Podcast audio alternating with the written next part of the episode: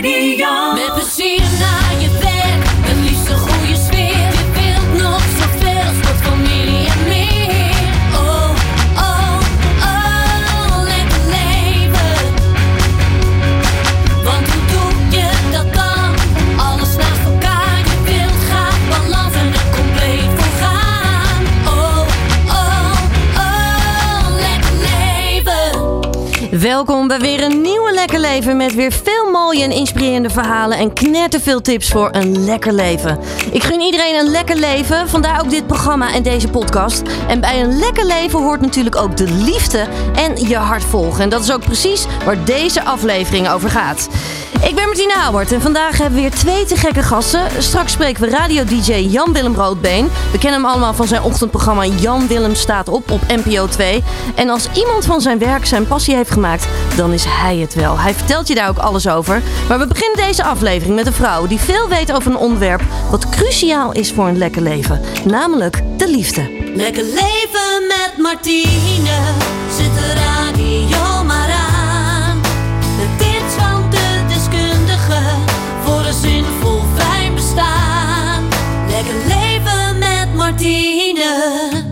Bij een lekker leven is de liefde een enorm belangrijk element. En uit onderzoek blijkt dan ook dat het hebben van een liefdevolle relatie voor de meeste mensen het belangrijkste is om echt diep geluk te kunnen ervaren. Toch kampen heel veel mensen met verlatingsangst of bindingsangst, waardoor relaties maar niet echt lijken of willen lukken. En daarom schreef de volgende vrouw een prachtig, inspirerend en indringend boek, wat inmiddels ook echt een bestseller is geworden, namelijk Liefdesbang. Inmiddels heeft ze ook vele andere boeken geschreven en is ze daarnaast ook therapeut en trainer, waarin ze mensen helpt om van liefdesbang naar liefdeskunst te gaan. Hoe ken je nou de patronen van verlatingsangst of bindingsangst? En nog belangrijker, wat kun je eraan doen? Zodat je echt een liefdevolle relatie kunt creëren, kunt creëren waarin je echt gelukkig kunt zijn. Ik vind het dan echt een, eh, een eer om haar hier gast eh, te hebben. Hanna Kuppen, van harte welkom. Hoi, dankjewel. Fijn dat je hier bent, Hanna. Ja, we gaan het natuurlijk hebben over jouw boek, maar ook alles nou ja, wat je doet.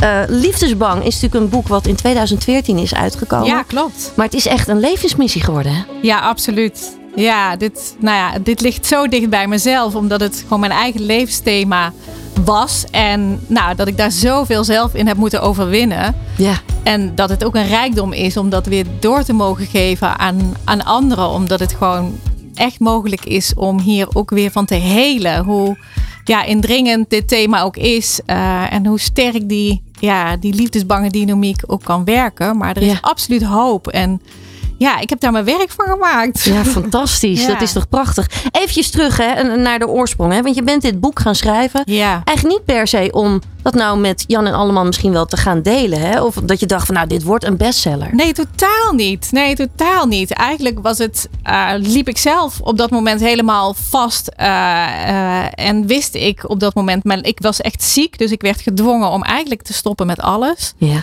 En op dat moment dacht ik van ja, ik wil deze periode van heling ook echt zinvol benutten. En ik wist wel dat dit thema de rode draad was van mijn leven. En ik dacht ja, blijkbaar moet ik hier nog een laagje dieper in. En was ik dus blijkbaar nog niet helemaal tot de kern gegaan. En ik dacht, als ik nou hier een boek over ga schrijven, dan dwing ik mezelf om tot die kern te komen. En ik dacht, ja, weet je, en als er later nog één iemand iets aan heeft, is het mooi meegenomen. Maar ik, ja, ik, ik begon eraan echt voor mezelf. Ja. Voor mijn eigen heling. Ja, kun, kun je ons een beetje meenemen wat je echt merkte? Waar liep je tegenaan in de liefde? Nou, waar ik tegenaan liep was wat ik dan nu inmiddels die liefdesbange dynamiek noem. Dat je eigenlijk voortdurend partners aantrekt die emotioneel niet beschikbaar zijn. En als er dan een keer een partner was die wel emotioneel beschikbaar was, ja, dan, dan kwam mijn eigen angst levensgroot voor me te staan. Ja, dan, dan was ik degene die eigenlijk daar keihard van wegrende. Ja. Dus zo, ja, wat je grootste verlangen is, namelijk die, die vervullende relatie krijgen, dat saboteer je eigenlijk voortdurend zelf. Ja, en als je daar middenin zit, is dat zo'n ongelooflijk pijnlijke dynamiek. En daar, daar zat ik steeds middenin. Ja. Dus ik, ik trok steeds die partners aan. En steeds kwam ik in die dynamiek terecht. En op een gegeven moment ja, had ik het op een bepaalde manier ook opgegeven. Van nou ja, dit, dit, zo werkt het in ieder geval niet. Maar Nee. ja, hoe dan? Hoe dan, inderdaad? Want zat jij meer aan de eh, bindingsangstkant of meer aan de verlatingskant? Eh, Nou, over het algemeen meer aan de verlatingskant. Dus ze, ik- ze gaan wel samen, heb ik begrepen. Hè? Nou ja, dat is, dat is wat ik dus destijds ook ontdekt heb eh, in relaties. Dat als ik aan de kant van de verlatingsangst zat, dat, dat die partner, dat die dan aan de kant van de bindingsangst zat. Maar ook net zo goed andersom. En over het algemeen zat ik meer aan de verlatingskant. Maar er waren ook momenten dat, ja, dat er een partner die, die wilde wel, maar dan, ja, dan, dan vertoonde ik echt alle signalen en alle symptomen van de bindingsangst. Dus die zit er blijkbaar ook. Ja. Ehm, ja, dus het, is, het is zijn eigenlijk twee kanten van dezelfde medaille. En eh, het maakt in die zin niet zo heel veel uit aan welke kant je zit. Want ze zijn allebei saboterend Ja. om elkaar echt te bereiken. En allebei heb je daar ook een belang bij om elkaar niet te bereiken. Dus hè, je, wil, ja, je, je wil dat in stand houden, omdat je anders echt kwetsbaar moet zijn en echt moet gaan voelen. Ja, en, en nou, dat kan natuurlijk ook heel bedreigend zijn. ja, vandaar ook het woord liefdesbang. Hè? Ja, Terwijl ik vind het altijd zo'n mooie paradox. Of nou ja, mooi. Eh, heel veel mensen hebben hier eh, last van. Eigenlijk ervaren Zeker, dit ook wel. ja. De een bewust dan de ander natuurlijk. Eh, terwijl het grappige is dat we eigenlijk allemaal heel erg liefde willen. Ja, het is het grootste verlangen. En het is ja, een van de ingrediënten, je zei het al in de intro, die, die je levensgeluk bepalen. Dus Ja. het is zo wezenlijk voor iedereen om daarin ja, vervulling te vinden. En dat, hè, dat is niet per se altijd met een partner. Dat begint in ieder geval ook met de liefde voor jezelf. Laat dat voorop staan. Klopt. En ja, velen van ons vinden het ook fijn om dat met een partner te kunnen delen. Maar het is, ja, het is zo bepalend voor, voor je geluk. Ja, je noemt het ook wel een, een liefdesdans. Hè? Eh, dans van iemand met bindingsangst, eh, maar dus ook verlatingsangst. En dat kan dus ook, nou ja, om en om gaan. Dat je Ja. dus dat ook bij elkaar afwisselt. Je kunt maar. van rol wisselen, als het ware. Hè? Ja. Zelfs binnen een relatie. Vaak zie je ook dat als je in de ene relatie hebt gezeten waar je aan de kant van de verlatingsangst zit en je start een nieuwe relatie, dat je dan net aan de kant van de bindingsangst zit. Eh, dus ja, die, die kunnen elkaar zeker afwisselen. Ja, laten, Ja. We het, laten we het eens eventjes ook gaan duiden. Hè? Want eh, hoe kom je erachter dat je bindingsangst hebt?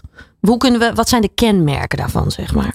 Nou ja, bindingsangst merk je dat je eigenlijk de nabijheid van de ander al heel snel als verstikkend voelt. Je bent bang om je vrijheid te verliezen. Je bent bang om je onafhankelijkheid te verliezen. Hè, dus die, die eh, toenadering, die liefde en die warmte van de ander, dat voel je heel snel als te veel en als verstikkend. Ja. Dus je hebt de neiging om eh, te rationaliseren, om eh, eigenlijk weg te gaan van je gevoelens. Je zoekt voortdurend de afstand. Een relatie mag niet een relatie heten. Je stelt die partner niet voor aan vrienden. Dat moeten gescheiden werelden blijven. Je moet eigenlijk ieder moment een escape hebben of weten.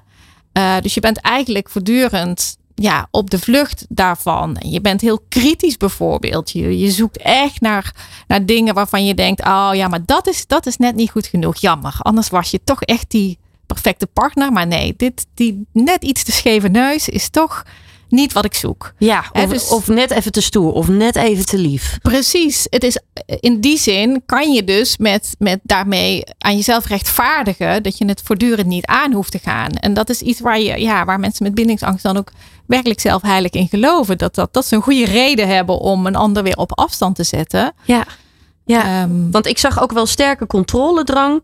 Eh, nou ja, en eigenlijk ook wel voortdurend bezig zijn met wegrennen en jagen. Dus juist ook weer Ja. die mix daarvan, hè? Ja, ja, ja. Hè, dus je wil vaak ook verschillende opties open hebben staan. Want als het ene dan niet lukt, dan, eh, ja, weet je, dan, dan heb, kan, je, kan je weer openstaan voor iets anders. Maar dan val je in ieder geval niet in het gat van de verlatingsangst. Dus Ja. als jij voortdurend allerlei lijntjes eh, te voeden hebt. Eh, en als er iemand echt te moeilijk doet, kan je die aan de kant zetten. Maar dan heb je nog altijd een escape naar, naar iemand anders toe. Hè? Dus, dus zo zijn ze vaak met meerdere lijntjes tegelijkertijd in de weer. Ja.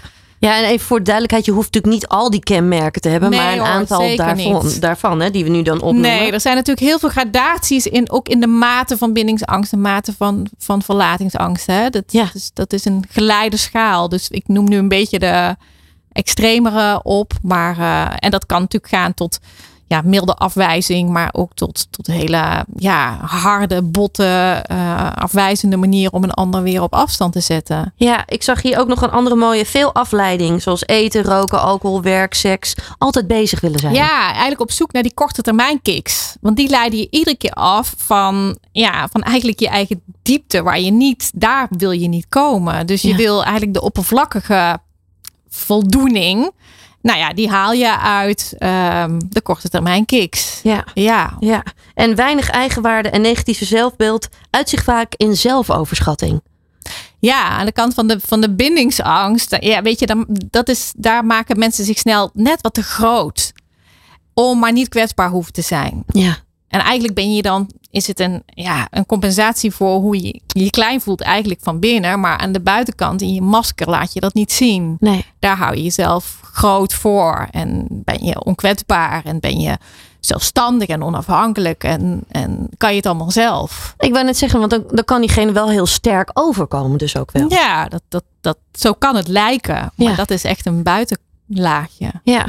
Kun je zeggen dat, dat mannen dit misschien sneller hebben dan vrouwen? Of, is, of maakt dat helemaal niet uit? Nou, daar, nee, ja, dat, dat, dat, is, dat is iets te kort door de bocht. Dat je, dat je bindingsangst zou koppelen aan mannen en verlatingsangst eh, angst aan vrouwen. Ja. Eh, het gaat eigenlijk meer over de mannelijke en vrouwelijke energie. Dus de mannelijke energie is meer gekoppeld aan de bindingsangst. Ja. En de vrouwelijke energie meer gekoppeld aan de verlatingsangst. En er zijn ook mannen die vooral meer vrouwelijke energie in zich hebben. En die dus ook veel meer last hebben van de verlatingsangst. Ja. Ja. ja, dat is ook wel herkenbaar. In ieder geval in deze kant, zeg maar, als ik dan kijk naar bindingsangst, daar zie je echt, nou ja, voel ik dat zelf ook wel. Dat is echt die mannelijke energie. Ja, Veel doen, veel, veel, nou ja, ja, echt wel in die mannelijke energie staan. Ja, ja. Hè, maar en, en, en ja, vrouwen hebben, kunnen ook hele mannelijke energie Zeker. hebben. En, en mannen kunnen weer heel, heel, ook vrouwelijke energie hebben. Hè? Dus Ja. het gaat een beetje meer over dat stuk dan dat je dat in de seksen zo zou kunnen zeggen. Laten we eventjes die verlatingsangst ook nog eventjes typeren. Hoe, hoe zien we dat voor je? Of Nou, mensen met verlatingsangst die willen vooral samen zijn. Die willen alles samen doen. Die zijn voortdurend op zoek naar bevestiging. Die hebben allerlei manieren om de ander aan zich te binden. Die zijn eh, voortdurend op zoek naar eh, is die ander wel beschikbaar? Als die ander niet snel genoeg terug appt of een berichtje terugstuurt of terugbelt, dan zien ze dat meteen als een teken van ja, nu is het helemaal mis. Ehm, hè, dus die, ja, die, die zijn voortdurend bezig met de ander te bereiken. En eh, zijn heel bang voor signalen van afwijzing of afstand. Eh, dus die leggen een hele grote claim op de ander. Ja, En misschien niet eens bewust, maar dan wel vaak onbewust. Vaak niet bewust. Ja. Nee, dat is echt. eh, eh, die angst werkt doorgaans heel onbewust. Maar ja, dat is heel verstikkend voor de ander. Dus de ander zal voelen, ja, wat ik je ook geef en wat ik ook doe, het is eigenlijk nooit genoeg. Hm. Dus het is, het is een, eh, ja, Andere, andere typerende dingen ook wel die eronder vallen. Je hebt oneindig veel begrip voor de ander. ja, bijvoorbeeld, ja. Dus de eindeloze empathie voor de ander. En intussen ben je jezelf aan het inleveren. En ben je jezelf daarin aan het verliezen. Verleg je steeds je eigen grenzen. Dus je, jij, je, je doet jezelf tekort. Door maar iedere keer het ook weer goed te praten wat die ander doet. Dus Ja. dat die ander afstand neemt. Dat die ander hè, niet reageert op jouw berichtje. En na een week nog niet. Dan ga je dat voortdurend goed praten. Van ja, hè, hij zal wel dit. Het zal wel dat. eh, hij heeft het druk. eh, noem maar op. En intussen doe je enorm jezelf tekort. Ja, ja. Eigenlijk duw je jezelf eigenlijk alweer weg. Ja, je verlaat jezelf. Ja, Je verlaat jezelf. ja. Ja. Dat gebeurt hier dan eigenlijk al in. Als Ja. we dan kijken verder, onzeker en zelfonderschatting. Je richt je woede eerder op jezelf dan op de ander. Ja, ja. Hè, dus, dus voor, en dat is vooral voor die verlatingsangstige kant. Dat, hè, weet je, het zou heel gezond zijn als je vooral die kant van de, van de grenzen en de, nou, dat je ook eens een keer boos zou worden van, hé hey, hallo, waar, waar ben jij? Want ik ben hier. Ja, joehoe. ja. Ehm, en, En ik heb alle begrip voor jou, Ja, bijvoorbeeld. Ja. Maar daar zit vaak heel veel angst om juist met een grens te komen. Want als jij met een grens komt, dan eh, komt het erop aan. En zover, ja, je wil het eigenlijk niet op die confrontatie laten komen. Want dan ben je veel te bang dat die, ja, dat die ander dus het niet doet. ja. Eh, dus je houdt je maar vast aan dat strohalmpje. En aan eigenlijk die valse hoop. Want dat is, je vaart helemaal op de valse hoop van ja, maar hè, het gaat nog wel goed komen. Ja, maar dan zal hij wel reageren. Dus eh, je plaatst het voortdurend in de toekomst als het ware dat het wel goed zal komen. In plaats van jezelf heel serieus te nemen en te zeggen, ja, maar weet je, nou, als je, als je hier nu niet op kan reageren, dan, nou ja, dan, dan moet ik mezelf veel serieuzer nemen en zeggen, nee, dan, uh, dan waardeer je me niet voor wie ik ben en voor de commitment die ik hierin maak. Of de, ja. Ja. Ja, nou kan het ook zo zijn hè, dat je nu bijvoorbeeld dan echt zit te luisteren. Dat je denkt, ja, dat, dat hoor je namelijk best wel van. Ja, ik val altijd op die foute mannen. Of ik val altijd op die foute vrouwen. Maar bestaat dat? Of zijn, het, zijn er geen foute mannen en, en, en foute vrouwen wat dat betreft? Nou ja, Hoe ik kijk vind jij dat, daarnaar? Ja, ik vind dat, dat dat is natuurlijk een gezegde en iedereen snapt wat je daarmee bedoelt. Klopt. Ehm, en eh, natuurlijk zijn er mensen die daarin heel destructieve gedragspatronen laten zien, zeg maar. Maar achter iedere foute man en foute vrouw zit eigenlijk een verwond mens. En nou ja, dat vind ik ook belangrijk dat we het op een diepere laag gaan, gaan eh, benoemen omdat we dan uit het oordeel kunnen gaan stappen. Want Ja. het, het foute man, foute vrouw, nou, die andere, die, die schrijven we eigenlijk meteen af en is kansloos. En eh, waarmee ik totaal niet wil zeggen dat je goed moet keuren wat iemand kan doen. Want het kan ontzettend pijnlijk en, en eh, ja, heel, heel vervelend zijn. Maar het is ook goed om te kijken van hé, hey, eh, welke verwonding zit daarachter? En laten we ook kijken ehm, naar die laag. En daarmee kunnen we ook onze eigen menselijkheid weer gaan insluiten. Van, oh ja, weet je, dat komt ergens vandaan.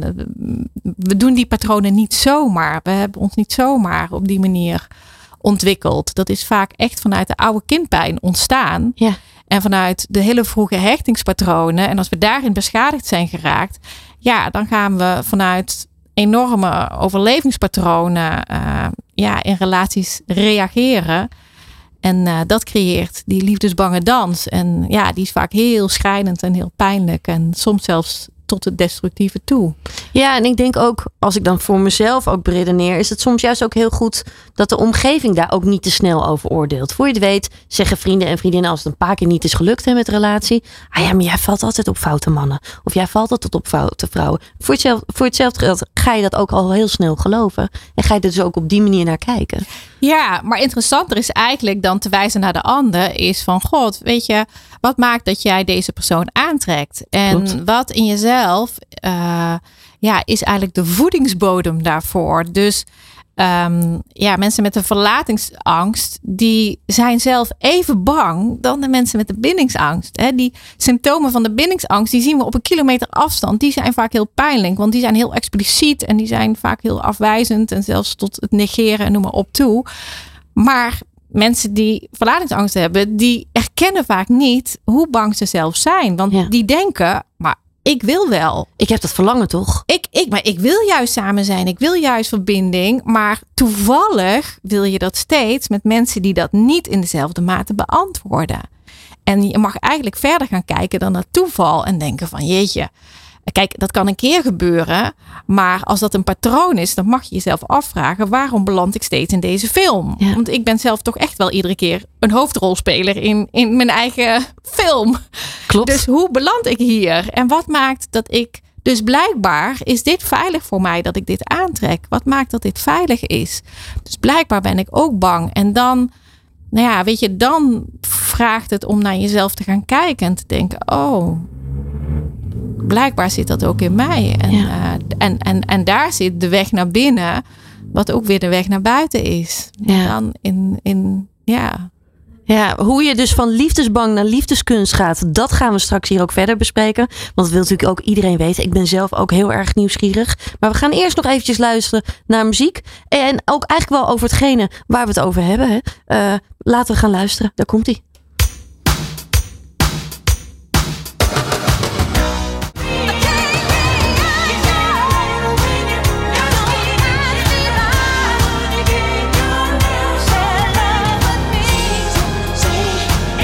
Ja, let's eh, talk about love. Dat zingen ze hier eigenlijk al, hè, Anna? Het is, eh, dat is eigenlijk ook wel wat we natuurlijk hier eh, aan het doen zijn hier bij Lekker Leven. We hebben zojuist eigenlijk al aan, nou ja, aangestipt hoe het eigenlijk recht uitziet hè, als je bindingsangst hebt of verlatingsangst. Maar laten we eventjes verder gaan wat dat betreft. Want als je er nou eenmaal achter komt, hè, dat je bijvoorbeeld verlatingsangst hebt ja, en je zit in een relatie, ja. hoe pak je dat dan aan? Maak je dit meteen bespreekbaar? Wat, wat, wat, wat, wat zou jij iemand meegeven op zo'n moment? Ehm, nou ja, het gaat in eerste instantie over je eigen bewustwording. Dus dat je erachter komt, dat is al heel wat. Dat je gaat beseffen van, hé, hey, ik zit hier in een patroon, wat ik herhaal. Uh, ik zit aan deze kant van de, van de dans, zeg maar. Dus aan de kant van de verlatingsangst. Um, en dan is het goed om te kijken van, hé, hey, waar, wat in mij mag er niet zijn? Hè? Dus ik ben juist zo empathisch en invoelend naar de ander. En ik ben zo, zo gefocust op de ander. Eigenlijk moet je in eerste instantie weer de focus terugbrengen op jezelf. En waar neem jij jezelf niet echt serieus? Dus waar stel jij niet je gezonde grenzen? Waar uh, gaat het voorbij aan jouw gevoel van eigenwaarde en zelfliefde? Want als je jezelf weggeeft, ja, is dat eigenlijk iedere keer een inbreuk op je eigen gevoel van integriteit. Ja. Dus waar verlaat je jezelf? En daar, dat wordt natuurlijk wakker geroepen in deze partnerrelatie. Dus die partner spiegelt jou in dit stukje. Dus dat wordt opgelicht in deze relatie. Ja. Maar eigenlijk is dat een verwijzing naar iets wat je al in je leven kent. dus dat is niet zomaar ineens ontstaan op dat moment. Dat wordt opgelicht omdat dat al in je leven aanwezig is. Ja. En nou ja, daarvoor is het belangrijk om te gaan beseffen van hé, hey, ehm, nou ja, wat, wat is de oorsprong daarvan? En niet om nou daar het verhaal van te weten, want het verhaal is, is in die zin niet zo per se relevant. Maar veel meer om de oude onverwerkte emotie daarvan vrij te maken. Ja, nog even een stapje terug. Hè? Want als ik het bijvoorbeeld op mezelf relateer. Um, ik weet wel dat ik echt wel, uh, nou ja, met name aan de kant van verlatingsangst herken ik veel. Ja. Um, en um, als ik dan bijvoorbeeld naar mezelf kijk en ik zit in een relatie, dan kan opeens iets ontstaan. Inderdaad, dat uh, iemand een lange tijd even niks meer van zich laat horen of heel afstandelijk ja. tegen me doet. Ja. Waardoor ik in één keer me geraakt voel. Ja. Ik voel een bepaalde pijn. Ja. Dat is heel vaak waardoor je het kan gaan herkennen ook wel bij Ja. jezelf. Hè? Ja. Ehm, en ik merk dan inderdaad, dan heb ik de neiging om heel erg meedenkend bijvoorbeeld met iemand te zeggen, oh ik begrijp je. Ja. Of nou, ik snap dat je afstandelijk doet en, en maakt niet uit. Ja. En, en, en al dat soort dingen. Uh, maar juist dan die pijn die je voelt, die is belangrijk. Hè? Die is heel belangrijk. Dus wat je zegt, je wordt getriggerd. Dus de ander um, blijft op afstand, reageert niet. Nou, dat kan een, een trigger zijn. Dat, er, he, dat die pijn in je om, omhoog komt. Uh, en het is belangrijk om eigenlijk om die pijn vrij te maken. Want dat is de pijn, hè, wat ik net zei, van een eerdere relatie in je leven die je kent. Bijvoorbeeld een vader die te weinig betrokken is. Of een moeder die niet emotioneel beschikbaar is.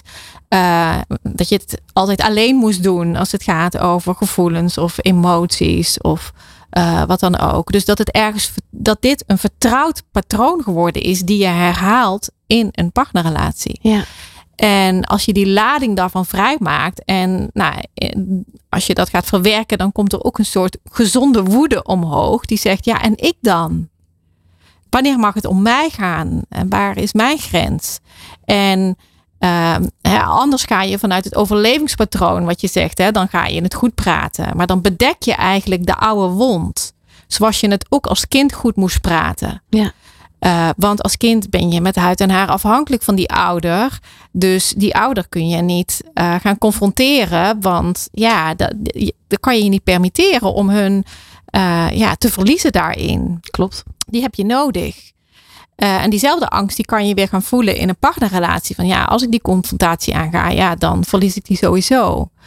Um, maar daar mag dan een gezonde woede ontstaan. Die zegt van hé, hey, maar en, en hier ben ik. Ik ga nu voor mezelf staan.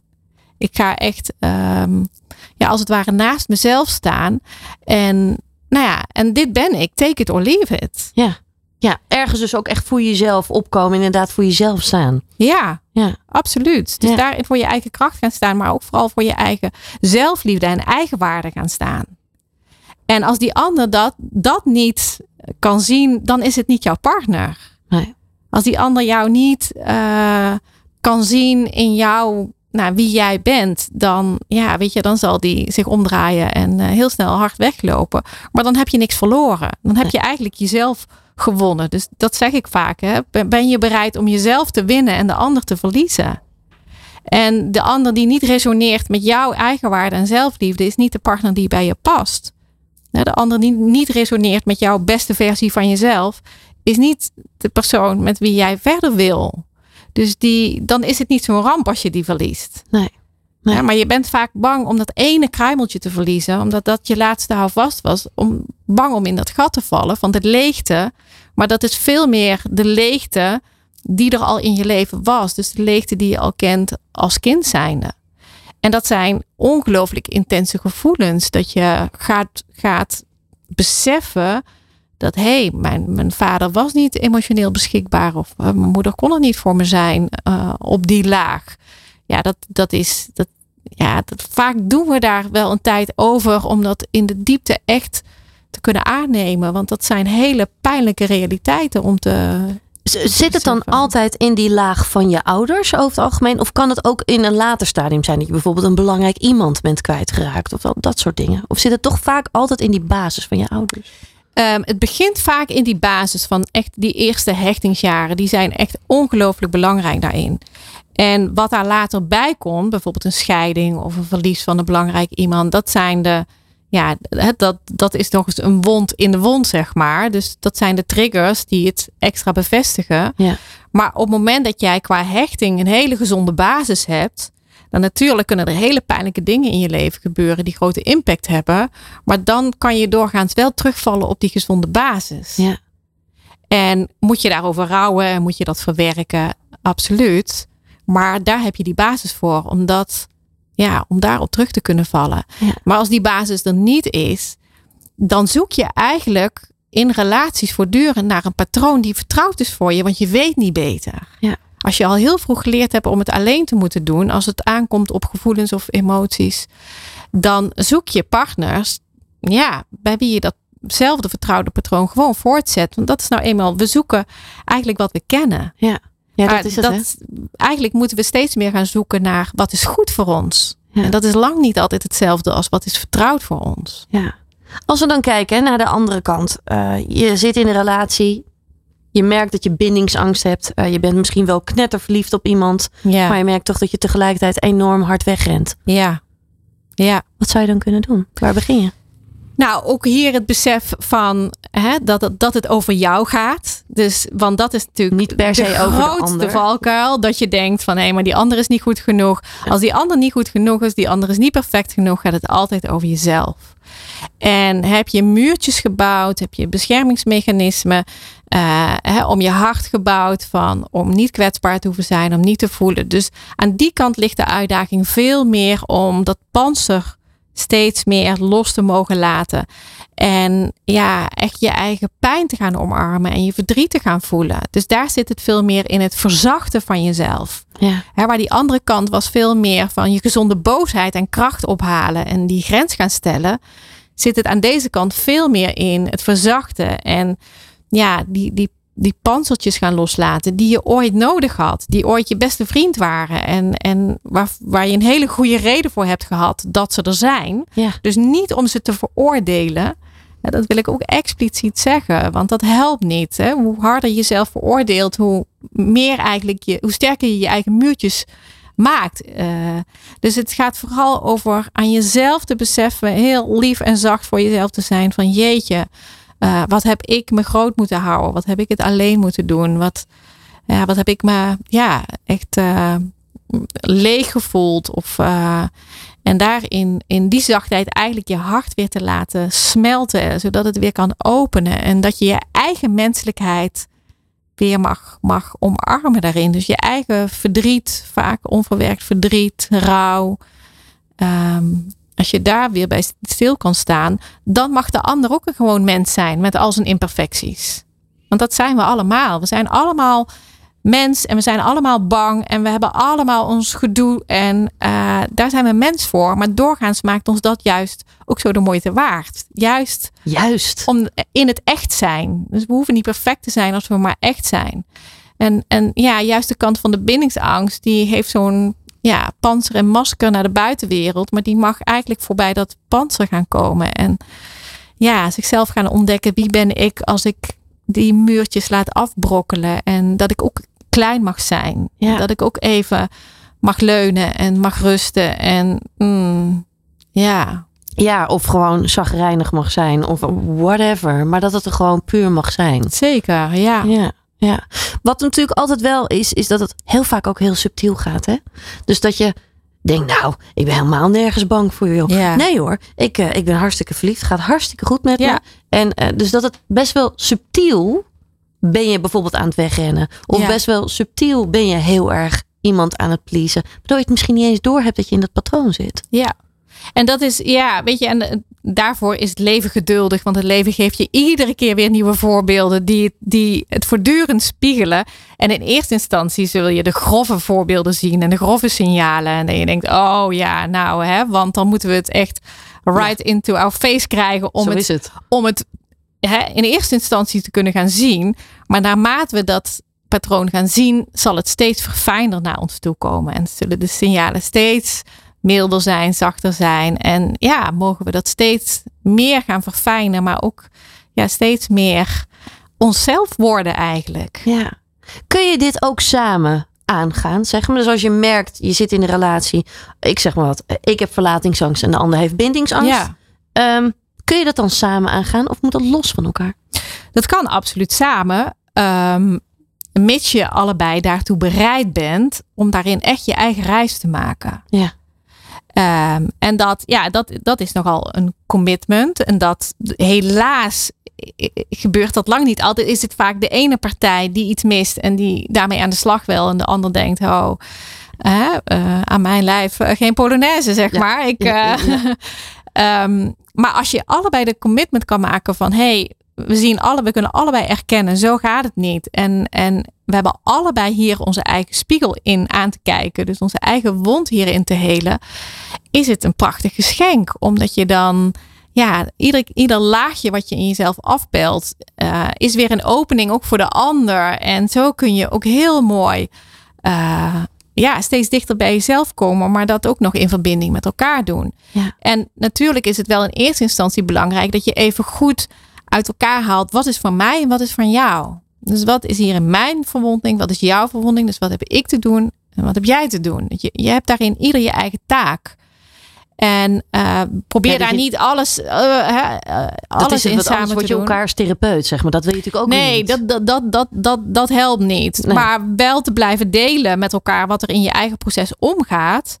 Eh, zodat je dat een beetje volgt van elkaar. Dat, dat kan heel helpend zijn. En, en ja, heel rijk zijn als je dat samen kan doen. Ja. En daar, dat je daar samen doorheen kan bewegen. En dat je dan ook steeds gaat voelen van, oh ja, oh nou, hier gaan we weer. Maar ook, hey, hier hadden we een mooi moment van verbinding samen. Omdat we juist dit allebei doen. Dus het biedt heel veel perspectief. Ja, het mooie is natuurlijk ook wel aan jouw verhaal. Hè? Je hebt het zelf natuurlijk uit eigen ervaring heb je het gedeeld. Je deelt in je boek natuurlijk ook eh, veel ervaring van andere mensen eh, die in de praktijk zijn gekomen. Ehm, maar als we dan kijken, hè, jij hebt die processen doorstaan en het is ook weer echt goed gekomen in de liefde. Ja, Ja, zeker. Ja, nee, ik, ik geniet nu enorm van een, ja, van een relatie die eh, gelijkwaardig is, die wederkerig is. En, en natuurlijk hebben wij ook onze thema's. Want het is natuurlijk een, een oude gedachte dat, dat je een relatie hebt die je alleen maar gelukkig maakt. Eh, weet je, dat kunnen we intussen overboord gooien. Want dat, dat is gewoon niet waar. Nee. Dus een relatie spiegelt je altijd in je eigen thema's. In de thema's waar je nog niet vol van jezelf houdt. Of waar je nog dingen uit het verleden niet hebt doorvoeld, niet hebt aangekeken. En dat doen wij ook. Uh, wij spiegelen dat ook bij elkaar. Maar we hebben allebei wel de commitment dat we dat allebei aan willen gaan. En dat we iedere keer bereid zijn om daarnaar te kijken. En dat in verbinding met elkaar doen. En dat, dat, is, dat is eigenlijk de relatie die ik altijd gewild had. Ja. Dus die, die heb ik nu, dat we die, die bereidheid eh, samen hebben. En dat, uh, ja, dat, dat is fantastisch. Fantastisch. We gaan Ja. het uh, zo meteen ook nog verder over praten hoe je het echt aan kunt gaan. Uh, maar verder wil ik natuurlijk ook wel heel graag weten wat voor jou nou echt een lekker leven is. Dat straks. Lekker leven. Ja, je luistert nog steeds naar Lekker Leven, Hanna Kuppen. Ja, we hebben zojuist natuurlijk al best wel veel met elkaar besproken. Best wel, hè? Ja, echt wel veel. Ik vind het ook nog steeds fantastisch dat je hier bent. Want dit is zo'n belangrijk onderwerp. Eigenlijk voor iedereen wel. Ja, absoluut. En dat heeft voor iedereen een, een toegevoegde waarde. Of je nou in een relatie zit of single bent. Dat maakt eigenlijk helemaal niet uit. Nee, zeker niet. Uh, we zijn zojuist natuurlijk wel een beetje geëindigd. Hè? Uh, hoe, hoe het nu inmiddels met jou gaat eigenlijk. Dat je echt weer de liefde gevonden hebt. Maar dat is natuurlijk ook wel echt een, een, een lange weg ook wel wel geweest. Hè? Ja, Met vallen en opstaan. Ja, ja, absoluut. Nee, het is, het is een ongelooflijk hardnekkig patroon. Dus het is niet, een quick fix bestaat niet. Nee. Dus je moet echt een volle commitment voor jezelf maken. Als je hierin wil helen, ja, dan zul je echt eh, de weg moeten gaan. En, en dat, is, ja, dat is een eh, langzame weg ook. Omdat je gewoon niks kan overslaan. Ja. Dus ehm, nee, het toverstokje helpt helaas niet. Nee, ja, dat was het maar zo, hè, wat Ja. dat betreft. Nou ja, ergens misschien ook wel niet. nee, het, ja, weet je, en het, het, het, het, brengt ook goede dingen. En het, het, ja, het is wat het is. Ja. Ja. Ja. Een, een, een onderdeel wat ik eh, terugzag, eh, zag. Als je geraakt voelt in een oude pijn, zoek een veilige plek. Word stil en voel wat er allemaal in je lijf te voelen is. Zonder verhaal of drama, zonder schuldgevoel of schuldvraag. Voel wat nu in je lijf gevoeld wilt worden, zonder iets weg te drukken of groter te maken. Vertrouw erop dat de vloedgolf die komt, hoe intens ook, vanzelf weer verandert in eb. Dat is het ritme van het leven. Het komt en het gaat. Het wil alleen maar gevoeld worden. ja. Prachtig. Ja, deze kwam bij mij heel erg binnen. Hmm. Ja, Ja. heel mooi. En dat geeft eigenlijk ook maar weer aan, zeg maar, want dat is natuurlijk eigenlijk wel waar liefdesbang over gaat, hè? Je bent bang voor die pijn. Dat is het. Dat is het. Dus je hebt in, in, het, in de start van je leven, eigenlijk al in de eerste jaren, is het niet veilig geweest om al je gevoelens te voelen. Omdat er niet die beschikbaarheid was, niet die heldere spiegel was. Niemand die jou kon terugspiegelen. Hé, hey, je bent bang of je bent boos of je bent verdrietig. Kom maar, het is welkom, het is goed. Dus je hebt veel moeten onderdrukken. En nou ja, iemand die dat in je aanraakt en die eigenlijk precies op die knoppen drukt waarvan jij dat eigenlijk hebt afgesloten met, eh, met tien sloten eh, eraan. Ja. Ehm, ja, die sloten die moeten er op een gegeven moment af. En ja, dat, dat, dat is pijnlijk. Dat is absoluut pijnlijk. Dus er is altijd een overlevingsdeel in ons die zegt, ja, daar kom je niet meer aan. Ja, klopt. En, en dus het vraagt nogal wat van onszelf om dan te zeggen: Oké, ik ben toch bereid om ja, die pijn te gaan onderzoeken. En dat is een beweging die we als mens niet graag maken. We leren dat eigenlijk niet. Ook, ook, we leren dat als kind niet, we leren dat op school niet. Het voelt zo tegendraads om. Ja, we zijn juist hebben geleerd om van pijn weg te gaan, om pijn te verdoven, om pijn niet te voelen. Maar we moeten eigenlijk nu de compleet tegenovergestelde beweging maken. Wel vanuit een gezonde bedding. Dus dat je zegt: Oké, ik zorg wel dat ik op een goede plek ben. Ik zorg dat er iemand bij me is als dat nodig is. Hè, deze dynamiek, ja, dat helpt ook als je dat met een therapeut of een coach doet. Dat je dat Ja. niet alleen doet. Dat kan enorm helpen om juist voorbij te gaan aan onze eigen blinde vlekken. Maar ook aan de weerstand, die enorm groot is om naar die pijn toe te gaan. Ja. Hè, dus, dus doe het vooral in een veilige setting. Ehm, maar dan is het echt zaak om ja, vanuit het hier en nu en het goed, goed contact met je lijf. Om te zeggen, oké, nu kan ik het wel voelen. Want het grote verschil tussen toen en nu is dat je nu een volwassen mens bent. Die met twee voeten stevig op de grond staat. Die ook heel veel draagkracht heeft ontwikkeld. En nu kan je het aan. Nu moet je misschien even heel intens huilen. Of is het een, even een heel, heel vervelend gevoel. Maar dat, ja, dat duurt misschien twee minuten. En dan is de, de, de heftigheid wordt al minder. Ja. Ehm, maar dat doet iets in ons hoofd. Dat we, ja, dat we denken, ja, maar als ik hier aan toegeef, dan verdwijn ik erin. Of dan komt het nooit meer goed. Of dan, ja, dan. Hè, dus, dus er zit veel weerstand op. Hoe heb jij dat zelf gedaan? Want jij bent zelf natuurlijk ook achter patronen gekomen Ja. bij je ouders. Zeker, Ja. ja. Nou ja, weet je, uiteindelijk als, als kind besefte ik dat helemaal niet. Maar dat ga je dus pas beseffen, eh, ja, als je in relaties daarin steeds in stuk loopt. En dan ga je steeds meer die laagjes daaronder voelen van, hé, hey, maar er zit, er, er, er, pff, er zit enorme verdriet in mij of een enorme boosheid die er nooit uitgekomen is. Ja. Ja, en stapje voor stapje ga je die deksel een beetje ervan afdoen. En ga je een beetje stoom afblazen. En ga je dat verdriet wat toelaten. En ja, dat is ook soms met horten en stoten. En dat is soms weer even heel intens. En poeh, en dan moet die deksel er ook weer terug op. En dat is ook goed. Dat kan niet ineens. Dat, want dan zou je het doen op wilskracht. Dan zou je denken, oké, ik ga dit even doen. Maar dat zou ons systeem niet toestaan. Dat zou veel te overweldigend zijn. Dus het is ook nodig dat dat in, proporties, in fase gaat. Ja. Die we aankunnen. Ja.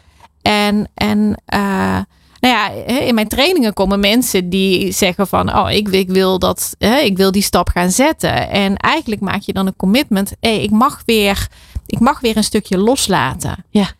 En nou ja, dan zie je dat ook gebeuren. En zo ja, is dat in mijn eigen proces ook gegaan. En ja, dat, dat, dat, dat is een proces van jaren geweest. En ja, ik heb het natuurlijk tot op de draad allemaal gefilterd. En, en eh, ja, anders kon ik natuurlijk Liefdesbank niet schrijven. Als ik Klopt. dat niet tot in de vezels eh, heb vastgepakt. En, eh, en, en ook heb beschreven. Maar dat, ja, dat, dat, dat hoeft natuurlijk niet zo lang te duren als het bij mij geduurd heeft. Maar ja, dat, eh, dat, dat is absoluut nodig. Het gaat om het voelen en het gaat om het ervaren. Want aan de ene kant willen we die bewustwording. Die moet, hè, we moeten eerst wakker worden in de zin van: oké, dit is wat er gaande is. En dat, ja, dat, dat is waar het boek voor is. Waar ik heel veel reacties van krijg die mensen, van mensen die zeggen: Ah, nu heb ik eindelijk woorden voor wat er altijd met mij was. Ja. Nu snap ik het, omdat ik het kan duiden. Er zijn woorden, er is taal voor. Maar goed, er zijn ook mensen die zeggen: ik, nou, ik heb je boek wel negen, tien keer gelezen en ik kan het dromen. Je kan me s'nachts wakker maken en vragen wat er op die pagina staat. Maar ik weet niet wat ik nu moet doen. Maar daarmee heel je het nog niet. Ja, ja. En daarvoor moet je echt naar, de, moet je naar binnen, moet je naar het ervaren en naar het voelen. Want die patronen die zitten in ons lijf opgeslagen. En daar moeten we ze loslaten. En dat vraagt, ja, dat vraagt heel diep contact maken met dat lijf. En ja, dat vraagt ook veiligheid om dat te kunnen doen. Dus dat hè, in de trainingen maken we daar een veilige setting voor, een bedding voor. Dat, we, nou, dat het veilig is van, oh, nu mogen we kijken. Maar ja, dat, dat, ehm, dat is wat er nodig is. Ja, naar die pijn toe te, te durven gaan, zeg maar. En dat ook echt toe te kunnen laten. Maar vervolgens misschien ook wel een nieuwe soort ja, patronen. Eh, of nou ja, gewoontes misschien ook wel te creëren. Lijkt mij ook wel weer, hè? Ja, maar dat is, kijk, het stukje wat je voorlas is eigenlijk precies wat het omschrijft. Dus, dus niet in het verhaal. Je hoeft niet, hè, het is fijn soms om, hè, we vinden het fijn om te weten, oh, die ervaring was levensveranderend. Of die zat echt aan de oorsprong van mijn verlatingsangst of bindingsangst. Ja. Ehm, maar het verhaal leidt ons vaak ook af van de pijn. Dus we creëren van alles om er niet daar te zijn. Terwijl je eigenlijk als je echt de lading loslaat en die lading echt vanuit je, vanuit je, vanuit je buik eh, via je strot naar buiten. Het moet naar buiten. En als die lading eenmaal dan daar zit de bevrijding. En als jij het toestaat, want loslaten is eigenlijk niet iets wat we heel actief kunnen doen, maar als jij het toelaat, dan laat dat patroon jou los. En dan, ja, dan gaat alles veranderen. Want zo binnen, zo buiten. Als het, als het in jou verandert en in jou hoeft dat niet meer onder druk te blijven. En als je het eenmaal hebt geuit, ja, dan ontstaat er echt een hele andere ruimte. En dan, ja, dan, dan eh, kom je weer veel meer in contact met jezelf. En vind je, ga, ga je ook voor je eigen waarde veel meer staan. Ja. En ja, dan, dan gaan je relaties naar de buitenwereld ook spiegelen. Ja, fantastisch. En je- niet alleen partnerrelaties, maar alle soorten relaties. Want het is natuurlijk niet alleen maar voorbehouden aan liefdesrelaties. Hè. Deze dynamiek komt terug in alle soorten relaties. We relateren de hele dag door, overal. In alles, of het nou met je collega's is, of met je buurman of je buurvrouw, of, of met vrienden. Juist ook daarin zie je het heel erg vaak terugkomen. Ja, Dus, eh, maar natuurlijk ook met je ouders. hè. Kijk, ik kan me ook voorstellen dat voor sommige mensen best wel ook lastig is om toe te geven. Ja, maar wacht even. Dan, dan wijs ik bijna mijn ouders af. Hè? ja. Jullie hebben het verkeerd gedaan. Ja. Maar dat is het niet. Nee, kijk, je ouders hebben gedaan wat naar in hun beste vermogen lag. Maar het kan, dan nog kan het voor jou niet goed geweest zijn. Dus het gaat niet zozeer over iets tegen je ouders. Het gaat erover dat jij aan jezelf gaat erkennen eh, wat jij tekort gekomen bent. Ja. En daar zit de heling. De heling zit niet om, weet je, want dan ben je bezig met strijd voeren of je gelijk krijgen. Of, maar daar zit de heling niet. De heling zit van, hé, hey, maar voor mij was het zo. Ja.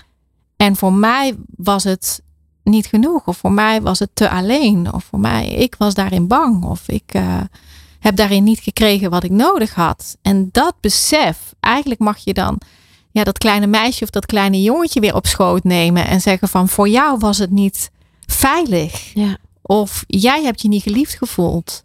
Ja. Of jij hebt je niet welkom gevoeld. En die erkenning is al een enorme stap naar heling. Dat dat, dat dat waar mag zijn. Ja, nou ja, zoals ik het zelf ook wel omschrijf. Ik vind het zelf altijd heel mooi, want ik heb daar zelf ook veel mee gedaan. Juist met dat, dat kleine kind. Ja. Dat kleine innerlijke kind. Ja. Dat, je, dat je het letterlijk kan wiegen. Ja. Alsof het een baby is Ja. in je armen. Ja. En, en daar goed voor kan zorgen. En lief voor kan zijn. Ja, dat Ja. je eigenlijk jezelf weer gaat bemoederen of bevaderen, maar dat je ja, die warmte en die koestering en die liefde. En dus het, het gaat er vooral over dat je die beschikbaarheid die je gemist hebt, dat je die niet meer gaat uitbesteden aan een partner of aan een surrogaatmoeder of wie aan wat dan ook of de buurvrouw, maar dat je beschikbaar gaat worden voor jezelf Ja. en voor al die gevoelens die je ooit moest onderdrukken. Dat je nu kan zeggen, hé, hey, nu als volwassene sta ik naast je en nu ben ik er voor jou. Ja.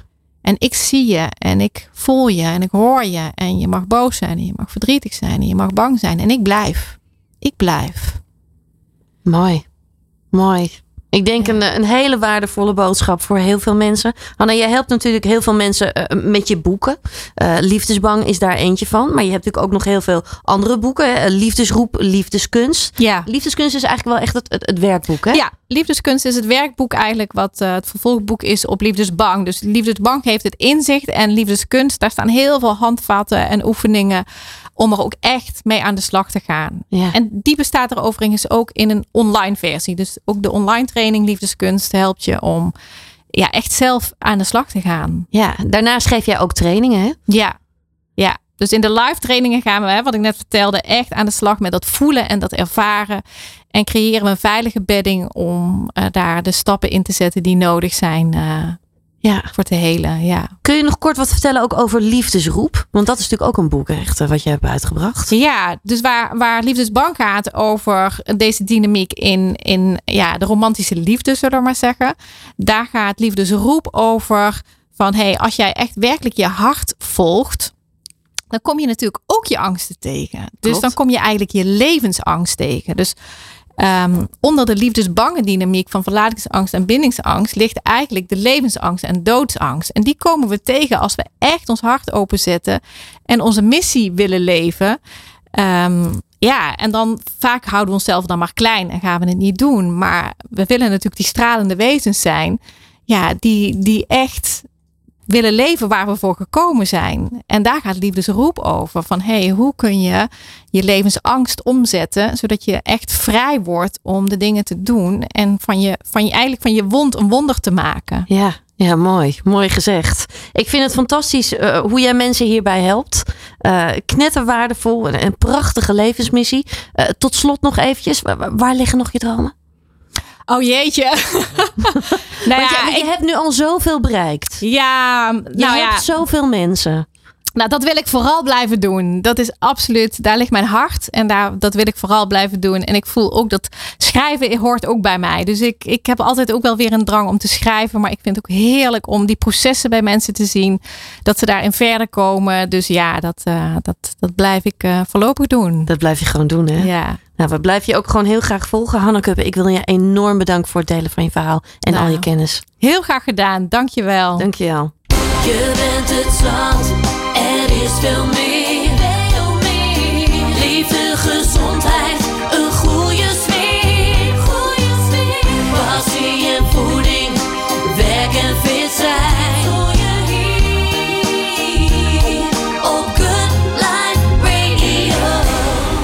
Ja, straks hebben we radio-dj Jan-Willem Roodbeen eh, te gast. Maar als je van, zoals je ook van mij gewend bent, geef ik hier bij Lekker Leven ook graag nog even wat tips mee. Zeg Howard, waar hou jij eigenlijk van? Nou, lieve, dit zal ik je eens even vertellen. Want een leuk uitje is namelijk This is Holland. Je gaat zitten en vliegt met een 5D-vlucht over en door Nederland heen. Ik kan er van alles over gaan zeggen, maar je moet het gewoon echt gaan ervaren. Een superleuk uitje, eh, als date bijvoorbeeld. Ja, we zitten toch al een beetje in de liefdesvibe. Maar dat kun je natuurlijk ook met het hele gezin gaan doen. En eh, bij een lekker leven zijn gezonde en verantwoorde snacks altijd heel fijn. En dan heb ik ook namelijk een hele leuke tip. Maar ook nog eens iets heel leuks om weg te geven. Namelijk lekkernij. Zij hebben namelijk een gedroogde fruitsnacks gemaakt van buitenbeentjes. 100% organisch, vegan en zonder toegevoegde suikers. En het mooie is dat lekkernij ook meewerkt aan duurzaamheid. Zo gebruiken ze klas B fruit en buitenbeentjes. En zijn de verpakkingen ook gemaakt van ge- gerecyclede materialen. En ik mag dan ook een van de lekkernij eh, snacks weggeven. Wil je kans maken? Stuur mij dan een bericht op mijn Instagram-account Martine Howard. Of stuur een mailtje naar info.goodliferadio.nl. En onder de aanmeldingen maken we binnenkort dan de winnaar bekend. Straks spraken we natuurlijk met de radio-dj Jan-Willem Roodbeen over hoe hij van zijn passie zijn werk gemaakt heeft. En hoor je ook hoe hij zichzelf blijft uitdagen en ontwikkelen.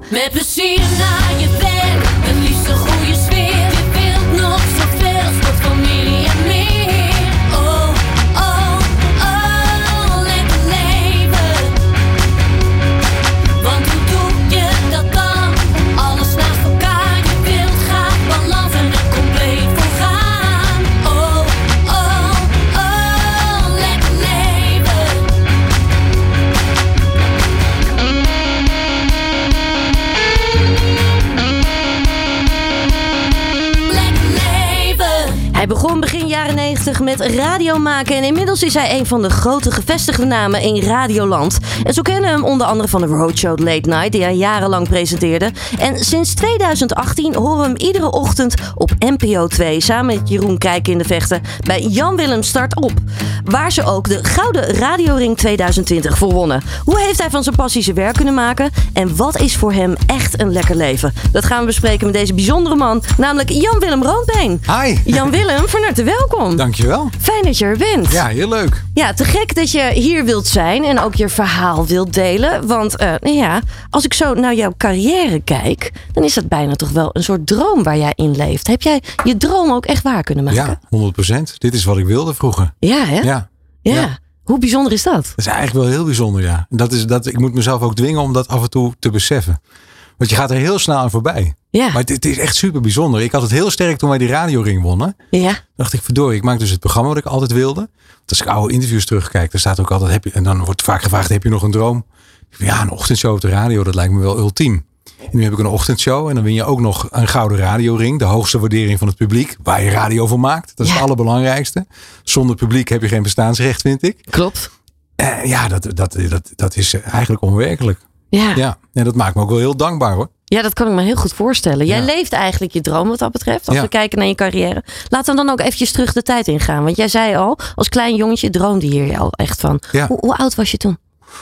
Ik denk, ja, dat, dat was, ik wilde straaljagerpiloot worden. Of heel vroeger bioloog. En eh, dat werd al snel straaljagerpiloot of radio-dj. Ik denk een jaar of elf. Op de, echt nog op de lagere school. Dus toen de vijfde klas, tegenwoordig groep zeven. Ja. En eh, wat ik deed is, ik nam dan eh, op een cassettebandje mijn eh, favoriete radio-dj's op. En dan schreef ik hun tekst uit. En dan sprak ik dat opnieuw in. Dus ik maakte eigenlijk hun radioprogramma over. Met hun teksten. En zo heb ik de- eigenlijk eh, de Ah, kneep, beetje het vak geleerd. eh, Ja. Zonder dat zij het wisten. Ja. Varens vuurwerk was ik fan van. Henk Westbroek. En de, de Volle Vrijdag natuurlijk. Drop of de Ronde met Rob Stenders. Peter Holland was ik ook fan van. En eh, ja, dat, dat zijn dan van die iconische radionamen. En die, die, die, die kopieerde ik dus ja, letterlijk. Echt gewoon echt letterlijk. Je ging dat echt letterlijk kopiëren. Ik, ja, ik nam, hun, eh, ik nam hun teksten over, eigenlijk hun programma. Dus ik schreef hun teksten uit. En die sprak ik dan opnieuw in. Zo is het begonnen. En later maakte ik mijn eigen radiostation ervan. Red Lag Radio. En, en dan deed ik het ook zelf. En eh, Jan Hogestein eh, was, die werkte toen bij Kauno Café. Ik wist helemaal niet wie die man was. Eh, maar die had een hele gave jingle, ingesproken door Alfred Lagarde. Ik dacht, nou, die, die naam kan ik mooi jatten, want het was geen radiomaker die ik kende. Ja. Die werkte achter de schermen. Tegenwoordig is hij de grote baas van Kink. en eh, dus, dus, dus toen werd ik Jan Hogestein op Red Radio. Zo ben ik begonnen. En dat, dat hoorde verder niemand. Dat was gewoon alleen mijn eigen cassettebandje. Ja. En, ja, zo heb ik het. Zo, zo is het gegaan. En toen ben ik bij de lokale omroep gekomen. Ja, dat was echt begin jaren negentig ook wel, Ja. dat je dat bent gaan doen. Ja, ja. Eh, want eigenlijk vanuit je, nou ja, ik weet niet of het een zolderkamertje of een slaapkamer was. Ja, het was geen zolderkamertje. Het was een, een, een, nou, een hele fijne slaapkamer met een eh, wastafel. Wat ik ook heel fijn vond.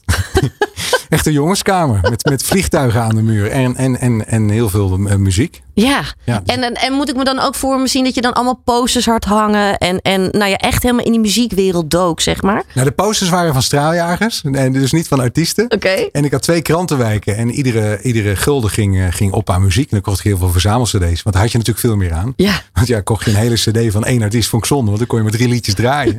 en eh, met een verzamelaar kon je nog een beetje afwisselen. Dus eh, ja, zo ging het. Oh, wat goed. Ja. Wat goed. Dus iedere gulden ging op aan muziek. Uh, Had je toen ook veel support om je heen? Ja, altijd. Ja, maar Want dat is vaak wel belangrijk, hè? Mijn ouders lieten me mijn gang gaan. En ik was, ik was een, best wel een eh, pittige puber. En toen kwamen zij erachter eh, dat, eh, dat als ik dan op vakantie ook mijn radio meenam. En, en daar met mijn bandjes kon klooien, mijn muziek. Dat ze een veel vriendelijker, leukere gozer mee hadden.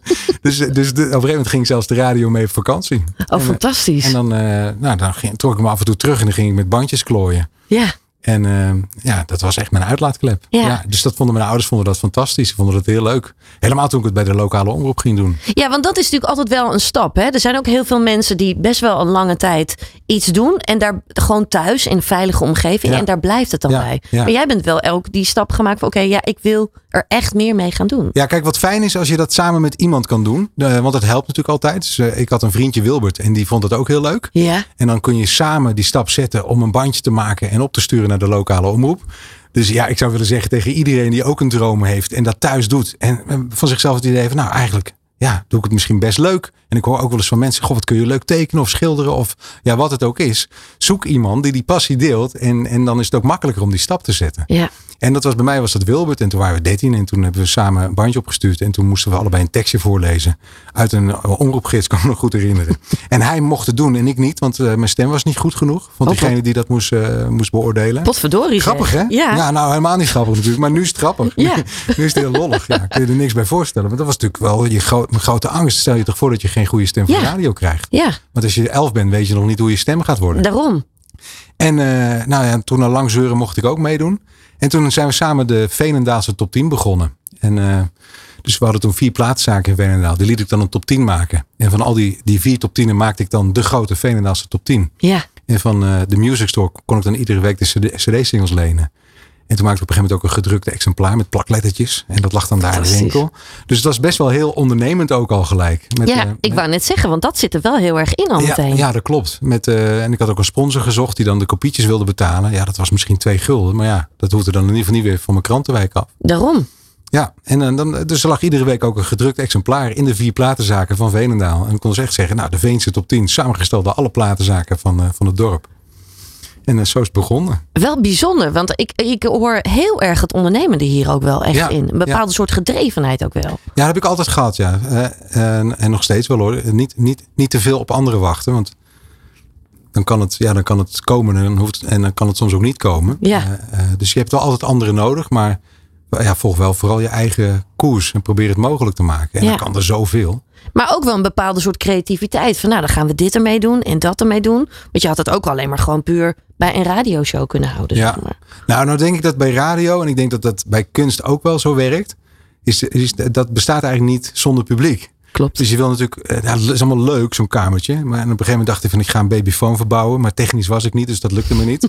en toen had ik op een gegeven moment ontdekt dat als ik de radio, er zat- er zaten van die schuifknopjes op. Als ik die dan een beetje verstelde, dan ging in ieder geval het stereolampje branden. Dus dan kon ik mijn programmaatje terugluisteren en dan brandde het stereolampje. Dan kon ik echt, in mijn fantasie was ik gewoon op dat moment op de radio. Ja. Maar ja, dat- er was nog steeds niemand die luisterde natuurlijk. Het was, was alleen maar in mijn slaapkamer. dus ik denk dat dat wel helpt dan om, om, eh, ja, ja, om, om, om eruit te stappen. Op een gegeven moment wil je gewoon dat het echt radio wordt. Dat er echt mensen kunnen luisteren. Klopt. Toen ben je ook echt gaan radio maken. Ja. Had je toen al een bepaald soort doel van daar wil ik uiteindelijk echt heen? Of dat niet? Ja, uiteindelijk was mijn droom wel eh, bij de echte grote radio. Maar ik had er geen flauw idee. Ik kende ook niemand. Maar dat was niet, daar was je toen al wel mee bezig. Had je dat wel ergens al in je hoofd of Ja. dat nog niet? Nou, jawel, maar dat leek natuurlijk een, eh, dat leek zo ver weg. Ja. Ik lag s'avonds lag s'avonds in bed te luisteren naar die bekende radiostemmen. Ik had geen idee hoe ik daarbij moest komen. Maar ik wist al wel dat ik dat heel graag zou willen. Ja. Dat was een magisch iets, die stem uit de radio. Dat is nog steeds zo. Ja, mooi iets ja. is het toch, ja, hè? Ja. Dan ga je dat doen, hè? Als je nu kijkt naar die tijd, hè, dat je ook regionaal bent gaan werken en al dat soort dingen. Wat, wat heb je echt geleerd in die tijd? Eh, ja, uiteindelijk het vak. Ik denk de basis. Dat is, dat, dat is toch bij, eh, de, bij de lokale omroep. Er wordt nog wel eens minachtend over gedaan. Ik kan me nog goed herinneren dat ik toen was aangenomen op de school van journalistiek Windesheim in Zwolle. Ja. Dan bleef ik daar hangen. Dan hadden ze campusradio. was allemaal prachtige apparatuur en zo. En dan vroeg ik eh, op een gegeven moment aan die studenten daar van, doen jullie ook dingen bij de lokale omroep? Nou, er werd een neus opgehaald. Ach, nee, pff, nee, dat zijn zulke prutsers. Eh, want dat heerste wel een beetje bij lokale omroepen. Eigenlijk denk ik ook wel in de mediawereld in zijn algemeen. Ja. Er wordt snel minachtend over anderen gesproken. Eh, dus als ik iets heb geleerd, is dat je dat vooral niet moet doen. Eh, dat je de ander ook hoog moet achten en niet te snel moet denken dat iets amateuristisch is of niet goed genoeg. Eh, uiteindelijk telt je inbrengen, met elkaar maak je iets. En als er iemand luistert, dan vindt hij het de moeite waard. Ook al denk je zelf misschien op basis van je eigen maatstaven van nou ja, het klinkt niet goed of het is amateuristisch. Maar als er drie mensen luisteren en die hebben er lol aan, dan is het geslaagd. Dat is het. Ja, Dat is dus, eh, ja, en ik denk dat dat tot, tot, tot op de dag van vandaag eh, geldt. Mooi, Ja. mooi. Wel mooi dat je er zo naar kijkt. Ik kijk er zelf namelijk ook zo Ja, naar. Als ik mooi. ook kijk met dansen en met zingen, alles wat ik heb gedaan. Ik vind het juist heel erg mooi als mensen juist ook net even op een andere plek Ja. mooie dingen maken. En, Ja. en kan zelfs ook knetter inspirerend zijn. ja en voel je niet te snel... eh, eh, Te goed eh, misschien ook voor een Ja, ander. Of- te goed en, maar, en te onzeker. Hè? Want die twee dingen gaan hand in hand. En dan kan het heel giftig worden. Ja. Maar dat, dat is zeg maar, te- heel goed. Zeg maar, hooghartigheid en onzekerheid. Als die samengaan, dan dat komt mensen niet ten goede. Nee, maar je komt het heel vaak tegen. En nou ja, dat, dat is eigenlijk zonde. Want het kan heel veel tegenhouden. En, eh, en, en want er is zoveel mogelijk. Dus, en, en, en wat je ook ziet, en ik, dat heb ik eh, ook in het bedrijfsleven toen ik daar werkte gemerkt. En dat is nog steeds zo. eh, je stagiair kan over tien jaar je leidinggevende zijn. Of een succesvol bedrijf hebben. Dus ook daarvoor geldt. Doe nooit minzaam tegen mensen die lager op de ladder staan in de hiërarchie. Want, want er is geen functieverschil. Iedereen heeft zijn functie in de keten. klopt. Eh, Klopt. eh, dat zijn uiteindelijk zijn dat legerige mensen die misschien wel beter worden in, in, in dat wat je doet dan, je, dan hoe je het zelf doet. Ja, ja, dus werk ook echt samen. Het samenwerken is voor jou ook echt belangrijk. Ja, 100%. En ik, ik kan ze zo aanwijzen. Ik denk, wel, ja, het zijn er eh, misschien al wel twee handen vol van mensen die vroeger, met wie ik vroeger heb gewerkt als stagiair, die nu eh, hoge functies hebben in Hilversum of ergens werken. Dat je denkt van wauw, te gek dat je dat bereikt hebt. Ja, fantastisch. ja, stel je toch voor dat je daar 15 jaar geleden eh, stom tegen deed, omdat je dacht, van, je bent maar een stagiair. Ja, ja. Dus ik denk, eh, ja, voel je niet te snel te groot voor iets. Dat is denk ik.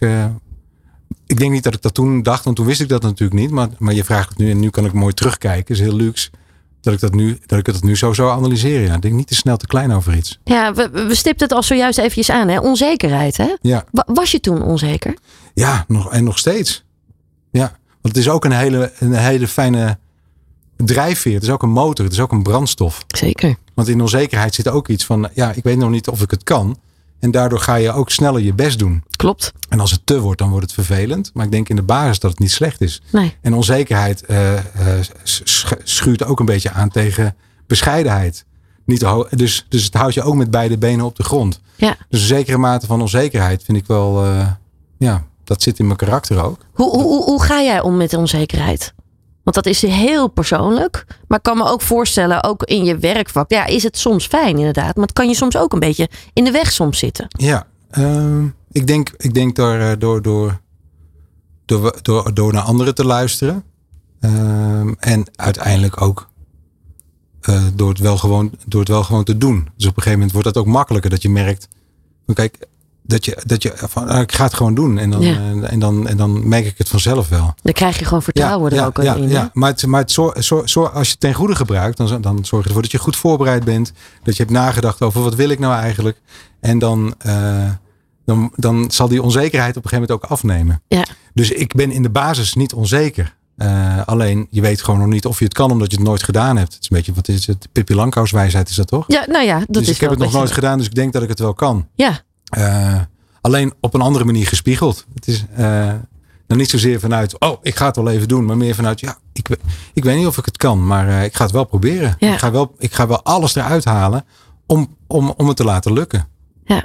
Als we dan verder kijken, hè, ook naar jouw carrière. Op een gegeven moment ben je dan vanaf 2003 eh, ben je ook bij de EO gaan werken. Hè? Ja.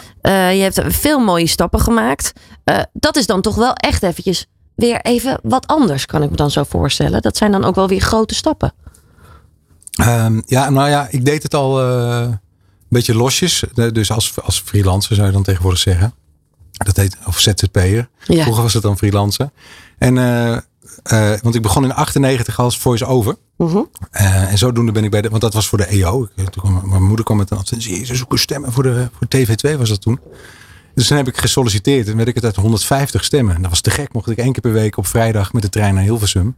Zo ben ik in Hilversum terechtgekomen. Fantastisch hè, dat je eerst dus nog bent afgewezen vanwege je stem. En toen werd aangenomen. En Ik ben toen- door mijn stem in Hilversum aangenomen. Verrek Ja, ja. ja. Ja, ja. zo heb ik eigenlijk nooit bekeken. ja. Ja, wat, wat geinig. Ja, Ja. ja. en, en, en eh, nou ja, dat was bij de EO. Dus dan ben je daar binnen en dan kun je daar eens een keer invallen voor iets. En, eh, eh, maar onder, ik combineerde dat met, met, met mijn werk in het bedrijfsleven. Ik was projectmanager bij de telefoongids, die had je toen nog. En eh, nou ja, in 2003 eh, ging er iemand weg, dat was Klaas van Kruisum. En toen werd ik eigenlijk, toen vroegen ze mij of van, wil je wat meer doen, maar dat kon ik niet meer combineren. Dus toen heb ik mijn baan opgezegd. En inmiddels had ik echt een goede baan met een leaseauto en alles. ja, En dus vrienden zeiden van, je bent gek. Want Wat je ga je doen? gaat in de carrière ladder, ga je daar eigenlijk hartstikke goed. ja. Ik was verantwoordelijk voor 150 man. Hoe oud was je toen zo'n beetje? Uh, 223. Nee, trouwens. Ja, zoiets. Ja. ja, toen ik daar begon. Ja. Cruciaal moment dus wel. Ja, 100%. Maar ik dacht van ja, de- dat was mijn droom. En Ja. eh, ik, ga, ik ga het wel proberen. Want is, zeker niet- het is nog niet wat ik per se wil. Maar, maar het is wel een, misschien een goede tussenstap. En als ik die oversla, ja, dan lukt het misschien nooit. Nee, dus toen heb ik het wel klopt. gedaan. Ja, en toen eh, deed ik een nachtprogrammaatje bij, eh, bij de EO op 3FM. En daarnaast was ik eindredacteur voor bijvoorbeeld Jong op televisie. Mhm. Ik deed er best wel veel dingen naast nog. Dus dat was nog niet 100% radio. En sinds 2005 nog fulltime... eh, of nee, eens fulltime. Toen combineerde ik het ook. Toen ben ik bij Radio 2 begonnen met de Gouden Greep. En dat deed ik s'avonds tussen 7 en 8. Dus overdag had ik gewoon mijn, eigenlijk mijn kantoorbaan bij de EO als eindredacteur. En s s'avonds deed ik dan de Gouden Greep. En eigenlijk pas sinds de AVRO 2010 is radio fulltime een, eh, mijn baan. Ja, fantastisch. Ja. Mooie, mooie loopbaan wat dat betreft. Hè? Als je dan kijkt dan hoe dat gegroeid is steeds meer. Ja, Hele mooie kleine stapjes eigenlijk ergens ook Ja. alweer. Hè? Met terugwerkende ja, kracht. ja bizar hè. Want, en, en ook wel heel fijn. Want ik, ik ja, achteraf kijkend had ik geen stap willen overslaan. Maar toen dacht ik wel eens van, ja nou heb ik verdorie een hele mooie baan. Bij de, bij- dat was toen bij de telefoongids bij KPN. En eh, nou ja, dat gaat hartstikke goed met mijn carrière. Maar ik wil eigenlijk radio maken. Ja. En, en ik werd steeds drukker bij het een. En dat gaat natuurlijk ten koste van het ander.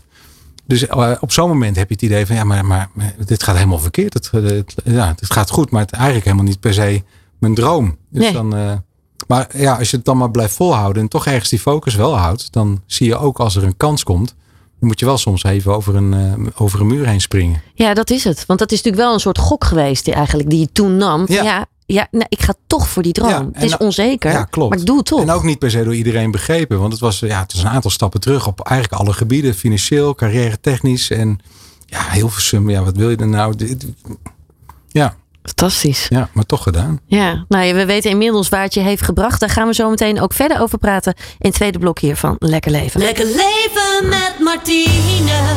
Zet de radio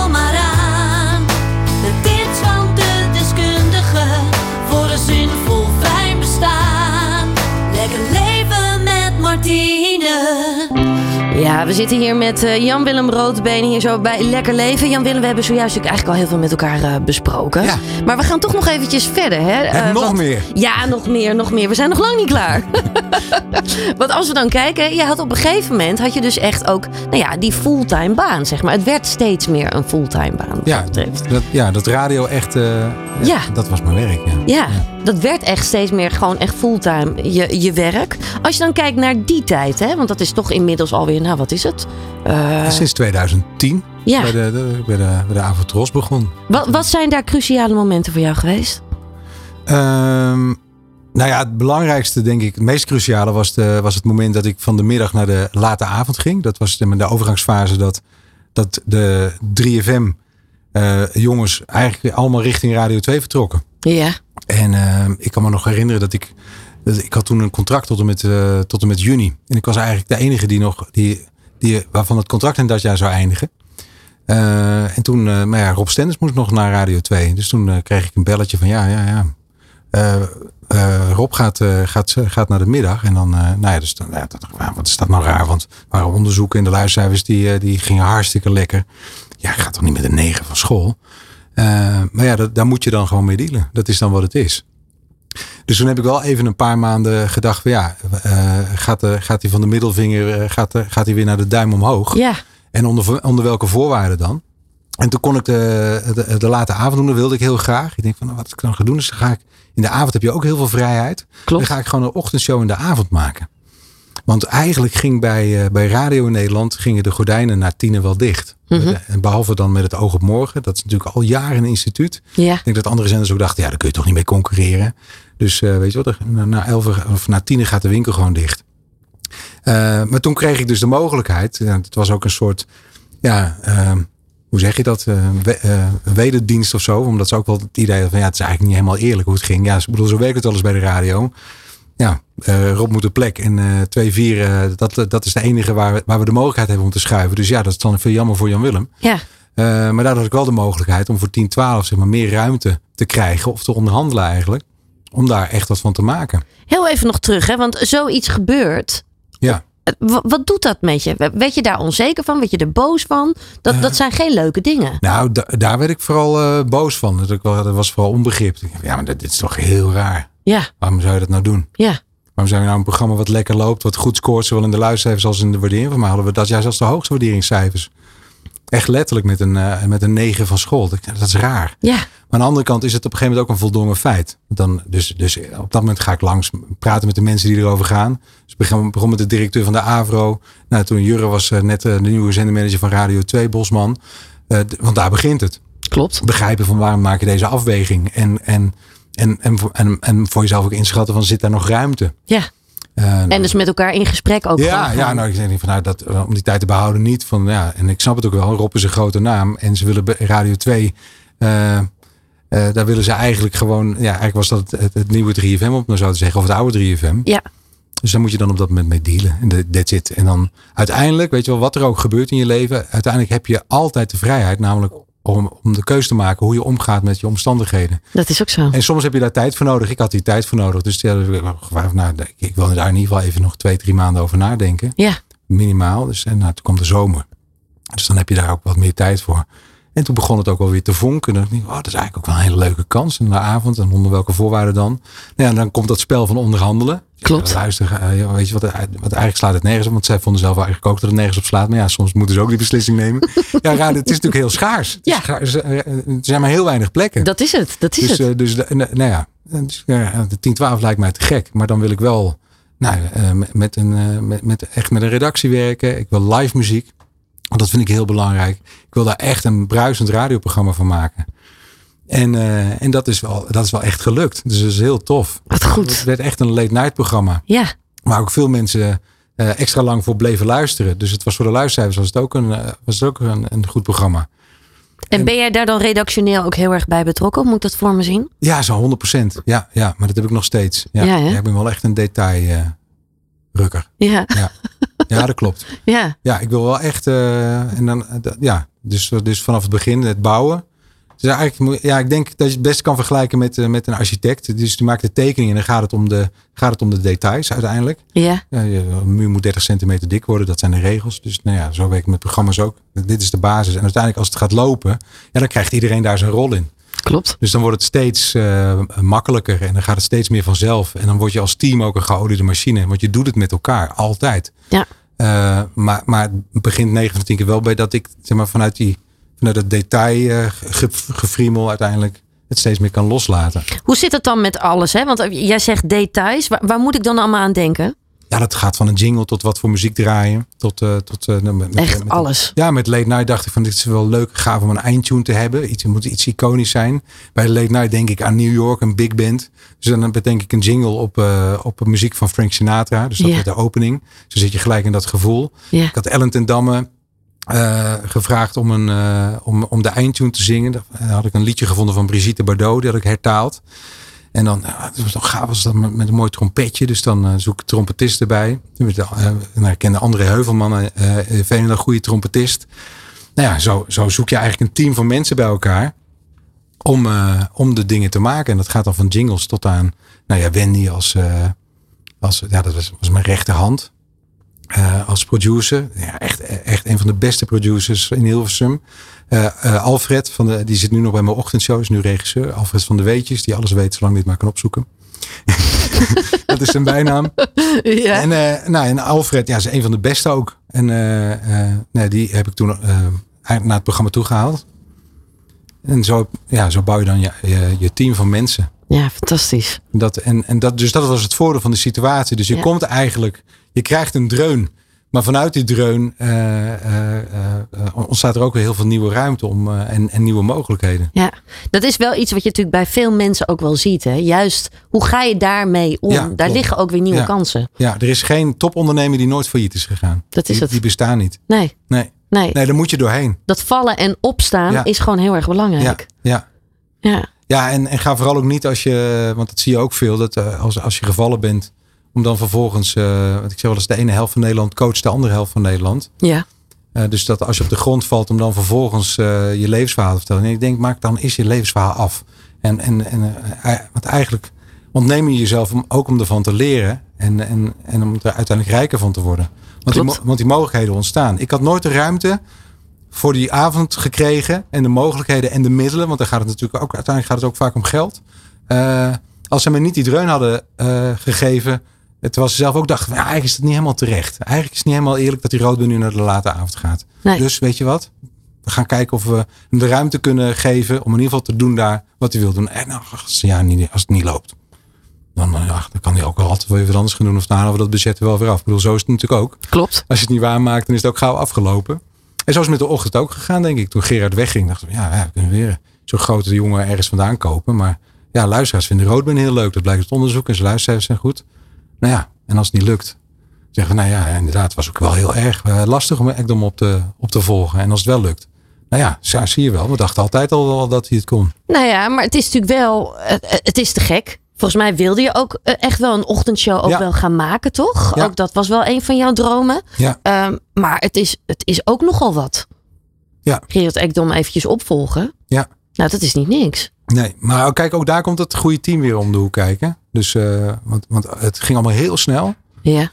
Want ik heb in, in mei, eh, toen eh, zouden eh Stenders en Jeroen zouden eh Ekdom eh, vervangen in de vakantie. Mhm. Want dat is ook zoiets, hè? Want, want, want eh, Rob die voelde zich schuldig toen, eh, toen het bekend werd dat hij mij op ging volgen. Heeft hij zich letterlijk een week lang opgesloten in zijn huis met de gordijnen dicht. Dacht ik, ik, wil dat, ik, ik kan niemand spreken. Die vond het echt oprecht. Ach jee. Ach, ik heb nog nooit zoveel gesproken als die zomer. Hoe is het, Willem? Ja, ja, nou, nou. en eh, eh, uiteindelijk was het Rob. Die dacht, als ik in mei Ekdom ga vervangen en ik doe het goed. Ja, dan moet ik straks die ochtend doen. Zo gaat het natuurlijk. Ja. Maar ja, die had daar helemaal geen zin in om zo vroeg zijn bed te gaan. Past Nee. ook helemaal niet bij hem. Maar dat is wel echt iets, ik wou net zeggen, dat moet wel echt bij je passen. ja. Dus toen heeft hij gezegd van, nou, kan Jan Willem anders dat niet doen? Twee weken met, met Jeroen. Nou, dat vond ze eigenlijk wel een goed idee. En dat, dat, ging, dat liep zo lekker. En daar kwam eigenlijk de kans uit om, eh, om de ochtend te gaan doen. Fantastisch. Ja, dus en dat was mei. En eh, nou ja, ik had natuurlijk nog vakantie. Ik denk, nou ja, die vakantie die laten we gaan. Ja. Eh, want Ekdom zou in september beginnen, beginnen. En hoe vroeger je begint, hoe beter. Dus ik ben op donderdag, had ik mijn laatste, 28 juni, mijn laatste ochtend, avondshow. En 1 juli, dus de maandag erop, begon ik in de ochtend. Eh, maar met een goed team, dat is denk ik de- het allerbelangrijkste. Ja, het allerbelangrijkste. Is het dan nog wennen om dat dan ook nog weer samen met Jeroen te doen? Hebben jullie heel veel samen van tevoren met elkaar gespart? Van hoe gaan we dit doen? Nee, nee het, is, wel- het is wel moeilijk, maar we hebben niet erover gespart. Dus eh, dat, is ook, eh, dat past niet bij Jeroen ook. Nee. Eh, nee, dus, dus dat is beginnen en ontdekken en gaan. En dan kijken hoe het voelt. Ja. En het is natuurlijk voor de radio ook wel leuk als het niet altijd lekker loopt. Klopt. Dus, Beetje eh, die spontane Ja, dingen. en of- dus, ja, ja dus, dus dat samen lachen is leuk, maar het samen onwennig zijn en dat het een keer niet loopt is ook leuk. Want dat is natuurlijk super herkenbaar. Klopt. Oh, volgens mij hadden ze elkaar daar niet helemaal door. of volgens mij zit Jeroen Ja. daar keihard door Jeroen heen te beuken of andersom. Ja, ja, Dat ja. levert natuurlijk wel leuke radio op. ja, klopt. Dus ik denk dat luisteraars dat proces ook helemaal hebben meegemaakt. Ja. Ja, en of het lukt, dat weet je van tevoren natuurlijk nooit. Maar ik kan me ook voorstellen dat het ook eventjes een soort van. Nou ja, wennen is het. Je gaat dan naar de ochtend op een plek die natuurlijk ook nou ja, eh, goed beluisterd is. Er komt veel druk bij kijken. Dan gaan jullie dat ook nog eens samen doen, wat ook nog wennen is. Hoe ga je met al die spanning om? Hoe doe je dat? Ehm, nou ja, de, de discipline voor een deel. En, eh, en, en, en, en ja, vo- volhouden. Dus toch wel discipline. Ja. Dus, eh, dus en, niet- en niet verslappen. Dus, dus ik heb dan wel echt de focus. Ja, ja, dat. Dat zit er wel in, hè? Ja, ja. Ja, ik zie het ook bij Dus het dat- gezicht wat je, wat je erbij trekt. Als ik inderdaad. erover nadenk, vind ik, ja, ik, ik kan een heel mooi eh lulverhaal van maken, maar dat is het wel. En, eh, en, en want de eerste maanden, dan, dan, dan heb ik nog totaal, dan heb je geen idee of het goed is of niet goed. Of, eh, En, en je krijgt natuurlijk ook van anderen niet echt eerlijk antwoord als je dat gaat halen of zo. Nee. Dus want, ja, je kan Ja, het aan duizend wat mensen vragen en dan krijg je duizend meningen. Eh, dus, dus, dus vooral heel dicht bij je intuïtie blijven. Dat is denk ik het eh, be- belangrijkste. Ja. Eh, Dus de, en dat in combinatie met, met discipline. Dus ik was 's middags kapot moe. Dacht ik, waar ben ik aan begonnen? Weet je, om half vier gaat dan het licht uit. Dus moet je een soort van je, opnieuw je slaapritme ontdekken. Klopt. Ehm, maar aan de andere kant wel iedere ochtend met heel veel plezier dat programma maken. Ik denk dat dat de kern is. Ja. Dus, als je, dus zolang je daar lol in hebt, dan maakt het ook allemaal niet uit. Het is natuurlijk het leukste wat er is. Want jij gaat vier uur op, hè? Vier Ja. uur op. Hoe laat ga je dan naar bed? Ehm negen uur, half negen, negen uur. Ja. Ja, dat is wel wennen lijkt me zo aan het begin. Ja, zeker. Ja. Ook sociaal gezien, zeg maar. Ja, dat leef je er dan op in. Ja. Ja. Dus door de week, eh, s s'avonds heb ik geen sociaal leven meer. Eh, maar goed, ik ben toen het trainer geworden van, mijn, van het voetbalteam van mijn zoontje. Dus dan bouw je je sociale leven weer op een andere manier op. En dat, die trainen dan tussen zes en zeven s'avonds. En daar leer je dan doe je ook weer samen met een andere vader. Dus dat, weet je wel, zo, op die manier vul je dat dan weer anders in. Ja. Ja. Eh, Wat het lastigste is, kijk, als ik vanmiddag om half vier klaar ben en ik denk, ik ga even een terrasje pakken. Ja, iedereen werkt. Dus dat is wel lastig. Dus ik zoek nog wel vrienden die eh, 's smiddags tijd hebben. Want ja, de meesten hebben Dus natuurlijk een ook oproep, dames en heren, ja. ja, dus ik heb echt, ik heb nog ergens wel tijd voor een vriend op donderdagmiddag eh, half vier. Om af en toe een biertje te drinken. Ja. Ja, weet je wel, dat soort spontane dingen heb je s'avonds natuurlijk meer. Hè? Dat je half acht denkt, Klopt. ik wil eventjes en dan bel je een vriend of een vriendin op. Zeg, zullen we even een eh bitterballetje halen ergens? Ja. Oh, leuk, ik heb ook niks. Dus dat spontane heb je dan wel wat minder. Maar goed, dan was corona natuurlijk al helemaal geen spontane tijd. Nee. Dus, eh, Nee. nee, want dat kan ik me wel voorstellen. Dat juist ook zo'n ochtendprogramma op je gezin heeft het natuurlijk wel een bepaalde soort nou ja, eh, werking. eh, ook op jullie relatie. Allemaal dat soort dingen. Dus hoe, hoe ga je daar dan ook naast die radioshow die je goed wil laten lopen. Hoe laat je het privé ook ja, goed lopen? Nou, het fijne is, eh, ik denk dat steun dan heel belangrijk is. Want eh, kijk, als Mieke er niet achter zou staan, mevrouw, dan zou het, dan zou het al snel ophouden. Ja. Ehm, en eh, ik kwam natuurlijk uit de avond, dus ik was er s'avonds al niet. En ik, 's ochtends sliep ik natuurlijk een beetje uit, omdat ik er laat in lag.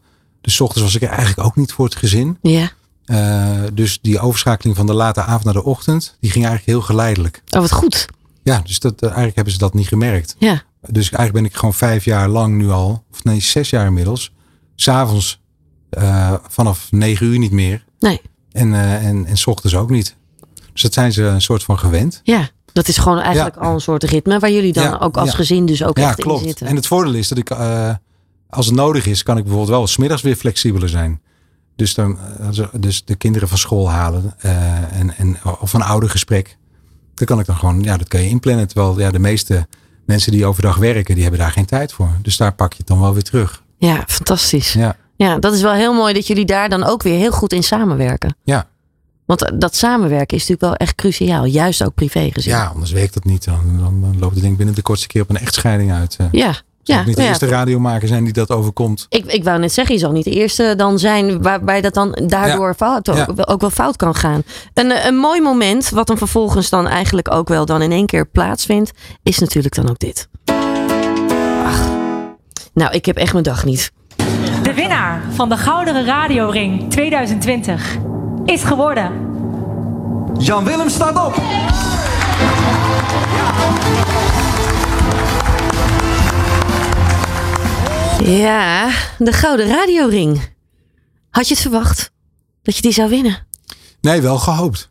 Wel gehoopt. Ja, maar niet, nee, niet per se verwacht. Helemaal niet omdat Mattie en Marieke natuurlijk met de sterren er vandoor gingen. En dan is het ook een rekensom van ja, als al die mensen stemmen voor eh Mattie en Marieke als radioman en radiovrouw, dan stemmen die waarschijnlijk ook op, eh, op hun voor, voor de ring. Ja, Maar eh, dat was dus niet zo. Mooi moment Ja. ook wel, hè? Ja, echt geweldig. Ik heb het nog een paar keer teruggekeken. Ja, juist omdat het al zo als een verrassing komt. En zo snel ook, hè? Want Ja. het was na ons tweede jaar al. Dat is het. Het was aan het begin van ons derde seizoen. Ja, Dus ik maar hoe dan? Dat je, dat je programma dus al zo snel beklijft bij zo'n grote groep. We hadden er ook niet eh, echt heel veel moeite voor gedaan. Geen campagne gevoerd. Geen gekke fratsen, niet op een platte kar door Hilversum. Ge- Geen danseressen eh, of gratis stemmenmokken weggeven. Maar ja, dus dat, dat, dat was echt eh, heel fijn. ja, Ja, Ja. Het, het voelde ook een beetje als mijn diploma halen of zo. Zo voelde het wel. ja. Ja. Terwijl je al zo lang al in het vak zit. Maar dan Ja. toch is dat wel echt zo'n mijlpaal dan ook. Ja, hè? dat is een echte mijlpaal, ja. ja, juist misschien ook wel omdat je de waardering van het publiek ook echt krijgt. Ja, ja. ja, dat is het mooiste wat er is. Ja, Ja. Dat, en, en alles wat er eh, dan over je heen komt. Ik gun iedereen zo'n moment hoor, echt waar. Want ja, de meeste, ik denk wel eens, ik weet niet of jij dat hebt met uitvaart. Is misschien een heel raar sprongetje hoor. maar als je op een uitvaart kan heel mooi zijn. Dat is Prachtig zeg maar, mooi. op heel veel facetten. Omdat er, er worden mooie woorden gesproken, wat altijd al mooi is. De muziek is mooi. Eh, mensen zijn kwetsbaar, wat ze ook vaak eerlijker maakt. Dus je maakt dieper contact. Klopt. Nou, al die dingen. Ja. En, en dan denk ik wel eens, als ik bij een uitvaart ben, waarom wachten we met het zeggen van al die mooie dingen tot iemand dood is? Dus het is ook een beetje zo'n zo'n radioring winnen, alsof je op je eigen begrafenis bent. Maar ja, ik, ik hoop halverwege. Dus ik hoop nog wel het stuk wat ik nu heb gehad. Ja, dat hoop ik ook zeker. Ja. Maar, maar dat, je, dat je die mooie woorden over je uitgesproken krijgt. Dat je mensen die soms 15 jaar niet hebt gesproken in één keer op de app eh, krijgt. Van oh, gefeliciteerd en wat, wat tof. En dit wilde je vroeger al. En, eh, Ja, weet je, dat, fantastisch. dat is echt een, eh, dat gun ik iedereen. Dat is Ja. zo mooi mee te maken. Ja, dat kan Dat me heel nog het goed mooiste. voorstellen. Ja. Ja, ja, prachtig. Ook wel iets, denk ik, wat je, nou ja, nog, wat je nog heel lang bij gaat blijven natuurlijk. Omdat dat zo'n ja, zo'n mijlpaal is. Daar heb je eigenlijk Ja. zo lang naartoe gewerkt. Ja, ja klopt. Ik ben, ik ben eh, een groot bewonderaar van Viktor Frankl. Heb je wel eens van hem gehoord? Mhm. En eh, dat boekje Zin van het Bestaan. En eh, hij schrijft ook in het boek: alles wat was, dat is. Wij hebben heel vaak het, het- het- de neiging om dat wat, er, dat wat we hebben gehad nog een keer te bereiken. Want ja, het voelde nou eenmaal zo fijn. Maar als je bedenkt van alles wat ik heb gehad, dat heb ik gehad. Dus, en dat hoef je dus niet nog een keer, want dat heb je al gehad. Ja, Eh, en dat maakt, het- dat maakt het zo rijk. Want ik heb dit, dit heb ik gehad. Dit heb ik gewoon meegemaakt. Hoe gaaf is dat? ja fantastisch. Ja, dus dat, dat, eh, ja, dat is heel mooi. Ja. Waar jij nog meer over droomt en eh, nou ja, waar jij al jouw doelen en dromen ook allemaal liggen voor de toekomst, daar gaan we het zo meteen over hebben. Basie B hier, ik kom je niet vervelen.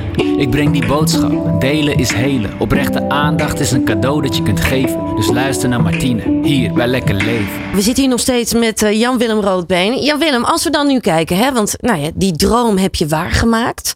Dat is een enorme droom, die is ook uitgekomen. Hoe, ga jij dan nu verder? Heb je nu weer allerlei nieuwe dromen? Want jij doet ook van alles natuurlijk naast de radio. Mhm. hoe, hoe moet ik dat, eh, hoe moet ik dat zien? Nou, na die radioring dacht ik wel een beetje van hoe moet ik dat nou verder doen met het programma. Omdat ik, ik ken mezelf.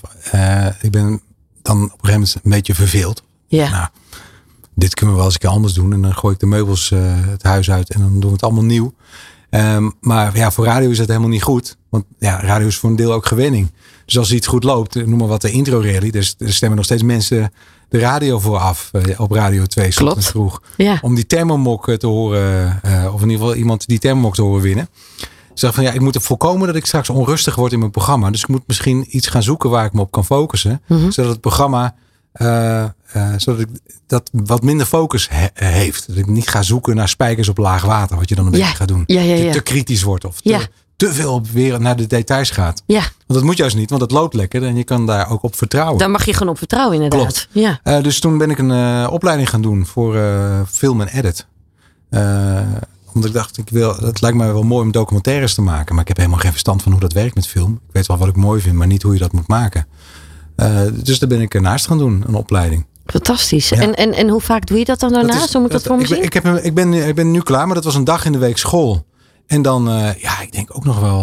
Het is een beetje hoe gek je het zelf maakt, maar ik maak het wel gek af en toe. Ik denk wel, wel twee dagen eh, ook echt vo- vol aan de bak. Filmen, editen, tutorials bekijken, oefenen. Dus ik denk wel drie dagen in de week dat ik er wel zoet mee was. Dus ook veel in het weekend. Fantastisch. Ja, En dan dus ook wel weer, nou ja, eigenlijk wel. Aan de ene kant zitten natuurlijk raakvlakken in hè, in video. ja het verhaal vertellen, dat is natuurlijk Dat een- bedoel ik. dat is hetzelfde. Ja. Ja. Maar ook natuurlijk ook wel, ja, je bent dan echt in één keer heel erg met dat beeld bezig. Ja, en het is zo leuk. Ik zat dus in een klas met, eh, met gasten van, eh, van, van- ja, de jongste was 19. Ja, ik, ben, ik was een beetje opa met mijn 44. Maar dat merk je dus niet, hè? Nee, Dat is super leuk. ja.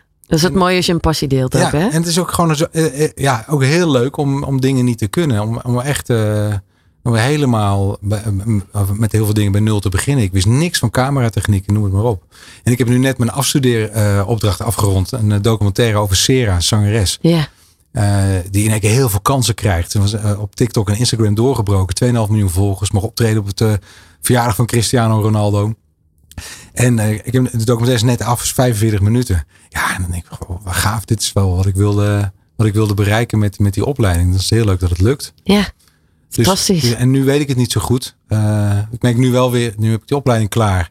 Dat, dat ik nu weer heel dat we een gezonde, lekkere focus heb voor het programma. Dus ik denk, ah, misschien eh, wat dingetjes aanpakken of vernieuwen. Of achterstallig onderhoud of zo is het dan niet direct. Maar wel, dat is wel heel leuk. Omdat je dan een soort van, een beetje alsof je van vakantie komt. Het niet zo was. Ja, Eh, maar dat is wel wat er eigenlijk dan weer even ontstaat. ja, ja, dus door, door je focus te verleggen zie je eh, ook weer dingen die je andere, eh, anders niet zou zien. Omdat je toch op de een of andere manier, al is het maar ja, niet, ja, de, me- mentaal een soort van afstand neemt. ja, mooi. Want je besteedt er net zoveel tijd en aandacht aan, maar je bent mentaal op iets anders gefocust. Waardoor je bij het andere weer dingen ziet die je normaal gesproken niet ziet. Ja. Tot slot nog eventjes, jij bent ook ambassadeur hè, van Ja, ja, campagneteam Huntington. Ja. Ja. Ja, kun je daar nog eventjes iets korts over uitleggen? Eh, ja, dat is ontstaan in, de, in, de, in mijn avondshow vijf jaar geleden. Dat ik twee gasten had. eh, waarvan één zei, ik ga dood. Ik heb de ziekte van Huntington had daar nog nooit van gehoord. Eh, bleek een erfelijke aandoening te zijn. En, en als iemand in je familie dat he- heeft, heb je 50% kans om dat ook te krijgen. En uiteindelijk ga je er aan dood. Me- Vreselijke mensonterende ziekte met symptomen van ALS, Parkinson. En uiteindelijk eh, vroeg ik aan hun van, hebben jullie al een ambassadeur? Toen zei ze nee. Eh, dus toen kon ik niet meer terug. En eh, ze hadden 4 miljoen euro nodig voor verschillende onderzoekslijnen. Want, en nou ja, om uiteindelijk een genezende behandeling te zoeken. Of te vinden. En nou ja, inmiddels zitten ze al op, op ruim 4,5 miljoen. En dat is heel bijzonder. En ook, ook dat de, de, de, doorzettingsvermogen bij die mensen in het campagneteam zitten. Dus je krijgt dat meestal de eerste symptomen op je 35ste, 40ste. Eigenlijk de beste jaren van hun leven Ja. geven eh, voor een eh, zoektocht naar een genezende behandeling waar ze misschien zelf geen profijt meer van hebben.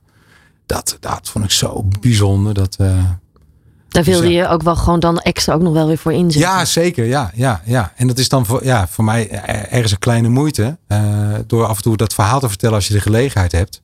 En maar dat kan ook wel weer verschil maken en extra euro's opleveren. En ja, dat, dat komt zo goed terecht. Dus dat is echt aan te bevelen. Ja, Als je nog een goed doel zoekt om te steunen. En er zijn er natuurlijk zoveel. Maar dit is wel echt, echt heel belangrijk. mooi dat je daar ook zo bij betrokken bent. En überhaupt hoor ik dat ook altijd in je programma terug. Hoe betrokken je bent met mensen. Juist ook met die maatschappelijke onderwerpen. Ja. Het samen doen, samen dingen voor elkaar krijgen. Dat past ook wel echt bij je. Ja, er gaat zoveel kracht vanuit. Als Ja. je, je kan, als je, als je, eh, je kan in je eentje veel bereiken, maar als je het samen doet met de anderen, met z'n tweeën, oh, dan kun je al zoveel. Laat staan met z'n drieën, laat staan met z'n vieren of met z'n vijven. Ja, en als je met z'n tienen bent, dan ben je eigenlijk al onoverwinnelijk, joh. Ja. Dus er is zoveel mogelijk. Ja. Er is zoveel mogelijk. Wat is nog je droom op radiogebied?